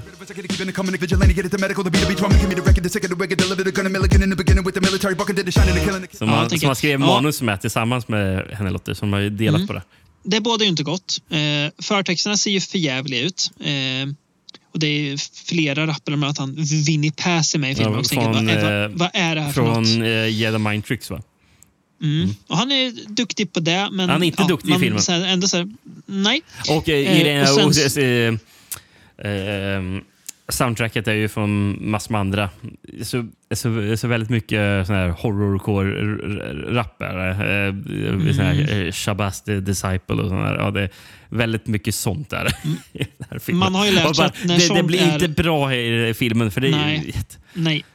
För man har ju lärt sig att när sånt är soundtrack, då ska man dra öronen åt sig och vara med på eh, att det här blir nog inte så kul. Sen drar filmen igång och man ser fotot och det ser ut som eh, det ser ut som de här filmerna vi, vi har sett på Magiska biodagen typ. När folk har gjort, gjort film med en, billig, en relativt billig kamera. Ja. Det är ett jättefult foto är det. Eh, billig digital foto. Eh, jätte, så, det, så, tråkigt ut bara. Eh, ser ju typ lite ut som en porrfilm. Eh, och det finns ju sådana in, inslag också. Det är väldigt mycket naket, mycket sex. Eh, men det känns, alltså det, vet inte. Alltså det, Det känns bara som att allting går, går fel. Alltså det är intressant det där. eh, hur regissörer som har gjort bra grejer plötsligt, Mm. i och med en eh, digitalkamera, plötsligt bara helt och Mm. hållet glömmer bort hur man gör film. Mm. För, för, för jag är ändå övertygad om det att hade du satt en... eh, Ja, om vi säger det Vi går tillbaka till första basket case. Vi, vi, vi ger Mm. honom en 16 mm kamera. Filmar exakt samma scener i samma vinklar i den här filmen. Mm. Mm. Det hade ju ändå varit dåligt. Så jag, Ja. jag, jag, jag tror inte att det dåligt är bara för att aha, det är en DV-kamera. Liksom. Nej. Som, Och, och, att och, man samma liksom, anledning till jag tror att även hade ju inte sett lika roligt ut så jag tror ju fortfarande Basket Case hade varit bra om han hade Mm. alltså, transporterat sig i tiden gjort det, eh, och fått med sig en DV-kamera eh, 1982. Nej. Nej, men det, det är som att med DV-kameran så kommer det så mycket annat. Det är som, det är som att det, det ska kasta någon förbannelse över regissörerna. Bara, nu kan inte du göra film längre. Nu blir det... Allt blir liksom sämre bara. Det, det, det känns som att man har tagit... Man, någon har stoppat in sin hand i Henlotters kropp och dragit ut hjärtat och så, så här, och så skickar man in den hjärtlösa Henlotter som inte har... Det finns liksom ingen så här, alltså inte den här berättarglädjen, inte det här roliga, det här eh, fungerande, lite så här små sjuka grejerna som var i de tidigare filmerna. Här ska det bara vara fånigt provocerande. Ja, ja, men, Det här- och, och sen lägger, men lägger man ju på att att, han inte en, gjort eh, film på 16 år så är det bara, ja det är inte heller bra Nej, tecken liksom, på, det. Nej, men men, men man har ju sett det där, alltså bara plötsligt bli dåligt på Mm. regissörer som inte haft så långa avbrott också. Men, Exakt. men, ja, eh, men här blir det Mm. otroligt tydligt vad, Ja. Ja, nej, men alltså bara hur, hur, alltså hur snett det har gått. Eh, och hur borta glöden är. Mm. För det här är inte kul. Och Nej, det är så det är inte det. otroligt dåligt skådespel. Är Ja. Extremt dåligt. alltså, alltså, ju- alltså, hon är väl ändå huvudrollen, Charlie Danielson som spelar Mm. Jennifer. Eh, Det är någon annan som har skrivit att lead actor är Anthony Sneed, men som spelar den här Nej, Bats. det är hon. Eh, Det är hon. Men, men, men jag tyckte det var så kul trivia grej för bara, det säger allting. Det säger allting. Mm. Lead actor Anthony Sneed was discovered on MySpace. Ja, det är så jävla. Ja, fy fan vad 2008 2009 där med att bli upptäckt på MySpace. Vad, vad, vad upptäckt på MySpace? Vad, vad, ja, men vad blev han Att han var upptäckt snygg, med? eller? Jag vet inte. Han hade inte gjort något annat. Vad, vad, Jag säger bara, vad blev han Ja, upptäckt av? nej. Nej, det är, det är så synd att hans karriär liksom verkar ta slut så här. Att det är det här som man liksom, jaha, det var dit det kom alltså. Man, man får ändå säga att man, jag hoppas inte att han gör mer Mm. filmer för jag tror inte att det blir, det blir något bättre än det här. Nej, nej. Nej. Nej, man, man, man är inte sugen på något mer. Ehm, jag minns ju, det var ju precis i början då vi började göra podden så kom det någon film som, skulle, som var så här, alltså, alltså en mer så här in, indie-skräckkomedi Mm. som var inspirerad av henne Lotter. Var det, var det inte någon som hade ett monster i röven typ? Jo, vi pratade om den i filmen Vad fan hette den Eller, filmen? eller i, pratade om den i filmen, pratade om den i, i podden Ja. jag. Ehm, ja, men jag vet, jag vet ex, ex, exakt vilken, vilken, Bad Milo. Bad Milo, ja. Och jag vet att, att, att vi kanske inte var så jätteimponerade av filmen Nej. i, i sin stora hela. Eh, den hade, men Mm. Bad Milo är ju en så mycket bättre eh, Frank Hennelotter-film eh, Hennelotter-film som Hennelotter själv inte regisserat. Men mycket bättre. Det känns, känns också mer Hennelotter än vad Bad Biology gör. Ja, jag håller med. Det känns mer, ja precis. Det- det Eh, fångar liksom exakt. hela den- Eh, mer den känslan ja. Mm. Ja, Grejen man önskar, man, man önskar att han hade kunnat göra nu. ja, ja, bra exempel. Just Bad Milo. Ja, ja jag håller med. Eh, så det, ja. Men man får väl tänka sig att ja, man kan också välja att bara bortse från det här och se hans tidigare filmer så får man ändå eh, i alla fall tre riktigt bra filmer. En helt okej, en nja. Men man kan ju, ja, det finns ju russin att plocka ur kakan. För han, eh, när han är som bäst så tycker ju Henry sig är otroligt underhållande och också Mm. rätt unika. Alltså man kan se att det är en Frank Hennelotter-film. Definitivt. Eh, så det, ja, det får man ge honom. Eh, ska vi hinta lite för lyssnarna var vi, vart vi ska nästa gång i nästa avsnitt? Det kan vi göra. Vi ska ju då ta eh, planet från eh, Hennelotters 42nd Street, eh, åka, göra ett litet pitstop i södra Europa för att sen ta flyget vidare österut och eh, åka på uppdrag kan man säga. Det kan vi Med säga. eh, mm, ett eh, avsnitt man ser fram emot ändå. Eh, det är spännande att se vad det kan bjudas på för eh, hjältedåd och eh, eh, ja, jag kommer inte på något mer bra. För hjältedåd eh, i, i den Ja, tappningen. ja, det är vä- väldigt vagt beskrivet, men ni får se Ja. när vi är tillbaka. Ja, jag tror, ja exakt. Så att, eh, ja. Välj Hennelotters tidigare filmer så kommer ni få en väldigt trevlig stund och undvik gärna eh, Bad Boy. Jag, jag, jag kan säga så här. Om det är någon som vill ha DVDn av Bad Biology eh, så kan ni skriva till oss på Instagram. Så får den som är först med att, att skriva får den eh, hemskickad. För det är ingen film jag känner att jag behöver ha kvar i hyllan. Så kan vi göra. Så dels ett tecken på att man har lyssnat hela avsnittet och att man är snabb på eh, skicka, med, skicka meddelanden-knappen. så sk- skicka bara där så skickar jag filmen till er. Jag kommer inte låta ut Yes. eh, mi- mina Blu-rays av eh, eh, Brain Damage eller Frankenhooker, för de vill jag verkligen, Det ska du verkligen verkligen ha inte göra. De, de ska man verkligen behålla. Eh, vi tackar för oss där, va, Rickard. Sätter punkt och hörs igen om ett par veckor. Det gör vi. Ja, som uppmärksamma lyssnare kanske noterade tidigare i avsnittet så lovade jag att rota igenom mina eh, tidningsarkiv här för att se om jag kan hitta något Henenlotter-relaterat material i den eminenta tidningen Scandinavian Film and Video. Och visst har jag gjort det. Eh, det handlar då om lite kring eh, Basket Case 2 Eh, som eh, jag lyckades rota fram. Tyvärr ingenting om varken Brain Damage, Frankenhooker eller eh, eh Basket Case 3. Men ja, ni får i alla fall lite bonusgodis här. Um, kan börja lite grann bara med en liten kort eh, notis här, eh, där de berättar att eh, Basket Case och Reanimator ska få uppföljare. Och om Basket Case 2 skriver de då så här. Hängivna skräckälskare känner säkert till kultstämplade rullar som Basket Case och Reanimator, även om filmerna aldrig gjort särskilt mycket väsen av sig här i landet. Nu släppte censuren visserligen igenom Basket Case, en makaber historia om en ung kille som bär omkring på sin vanställde och blodtörstige, blodtörstige siamesiske tvillingbror i en tvättkorg, på video för ett antal år sedan. Men det var väl mer att betrakta som en olyckshändelse i arbetet. Får se vad som händer nu när sensorerna får reda på att en Basket Case 2, på nytt regisserad av Frank Hennelotter och med Kevin Van Hentenrick i huvudrollen, just nu håller på att spelas in borta i USA. Ja, säg inte så mycket. Eh, men som tur är så hittade jag något, eh, något lite matigare här. Eh, det här är då taget från Scandinavian Film Video nummer 2, 1990. Ehm, och enligt tidningen själva så är det en bildnovell. Ehm, jag vet inte riktigt. Det är det väl delvis.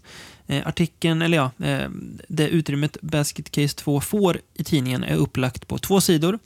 Där den ena sidan är eh, text och den andra sidan är bilder med lite text till. Eh, så jag tänker vi börjar med texten då. Eh, där det står exklusivt i FOV, Basket Case 2, bisarr kultfilm. Storyn i den första Basket Case balanserar tveklöst på gränsen till vad folk skulle kalla smaklöst och frånstötande. Och det är kanske inte så konstigt om man betänker att Frank Hennelers kultförklarade film handlar om en inåtvänd ung man, Dwayne Bradley, spelad av Kevin Van Hentenrick, som vandrar omkring på New Yorks gator med sin vanställde, blodtörstige, blodtörstige siamesiske tvillingbror Belial nedstoppad i en vanlig tvättkorg. Sedan en ljusskygg läkare separerat de två ser både Dwayne och Belial fram emot att äntligen få leva ett eget liv. Men banden mellan dem är för starka och den ondskefulle Belial tvingar Dwayne att släpa honom med sig ut i världen. Deras resa kantas av våld, blod och ond bråd död. Naturligtvis i regi av den lille djävulske Belial. Basket Case, som faktiskt fanns ute på video här en kort tid i mitten av 80-talet, slutade med att Dwayne och Belial, efter en hetsig uppgörelse på ett slitet hotellrum i kvarteren kring Times Square, båda föll ut genom ett fönster men lyckades klamra sig fast vid en neonskylt. Och nu är de alltså tillbaka igen. Ja, inte riktigt så första filmen slutar, men nåväl. I Basket Case 2 träffar vi på nytt Kevin Van Henterick i rollen som den plågade unge Dwayne. Efter fallet från hotellfönstret har han tillsammans med sin mordgalne tvilling tagits om hand av en gammal kvinnlig doktor som kallas Granny Ruth. Hon spelas av Annie Ross. Granny Ruth driver ett hem för, som hon kallar sina hyresgäster, speciella individer. Husets invånare består av allehanda groteska missfoster och mutanter som alla sökt sig en fristad hos Granny, undan världens nyfikna och fördömande blickar. Här blir Duane förälskad i Grannys unga barnbarn, den vackra Susan. Också den lömske Belial träffas av Amors förtrollade pilar när han möter sin själsfrände i den vanställda Eve. Allt är frid och fröjd till sin reporter, Marcy Elliot, som beslutar sig för att ta reda på sanningen bakom ryktet om tvillingarna från Times Square. En dag skuggar Dwayne och Belial tillbaka till Grannys hus. När Catherine så hotar att avslöja husets makabra hemlighet bestämmer sig Dwayne och Belial för att samarbeta och för att sätta hårt mot hårt. En fruktansvärd plan på hämnd mot den tanklösa yttervärlden växer fram. Frank Hennelotter tillhör knappast någon av de mest kända regissörerna i branschen. Ändå har han kallats Amerikas farligaste filmskapare. Så långt vill han inte själv gå. Mina filmer har inga direkta budskap, säger han. Jag strävar inte efter att presentera några djuplodande förklaringar av livets mysterier. Jag är helt enkelt en historieberättare. Hennelotter gjorde stor succé med Bizarra Basket Case 1982 och den makabra historien och de sjuka skämten fick många entusiastiska anhängare världen över. Ändå valde han att ligga lågt med en uppföljare. Basket Case 2 var nog den sista film jag skulle tänka mig att göra, säger han. I över sex år har han trotsigt motarbetat sina egna idéer. Det fanns helt enkelt inte mycket att bygga en uppföljare på, berättar han vidare. Jag menar, hela överraskningsmomentet var ju förlorat. Nu vet ju folk redan vad som finns i korgen Dwayne släpar omkring på.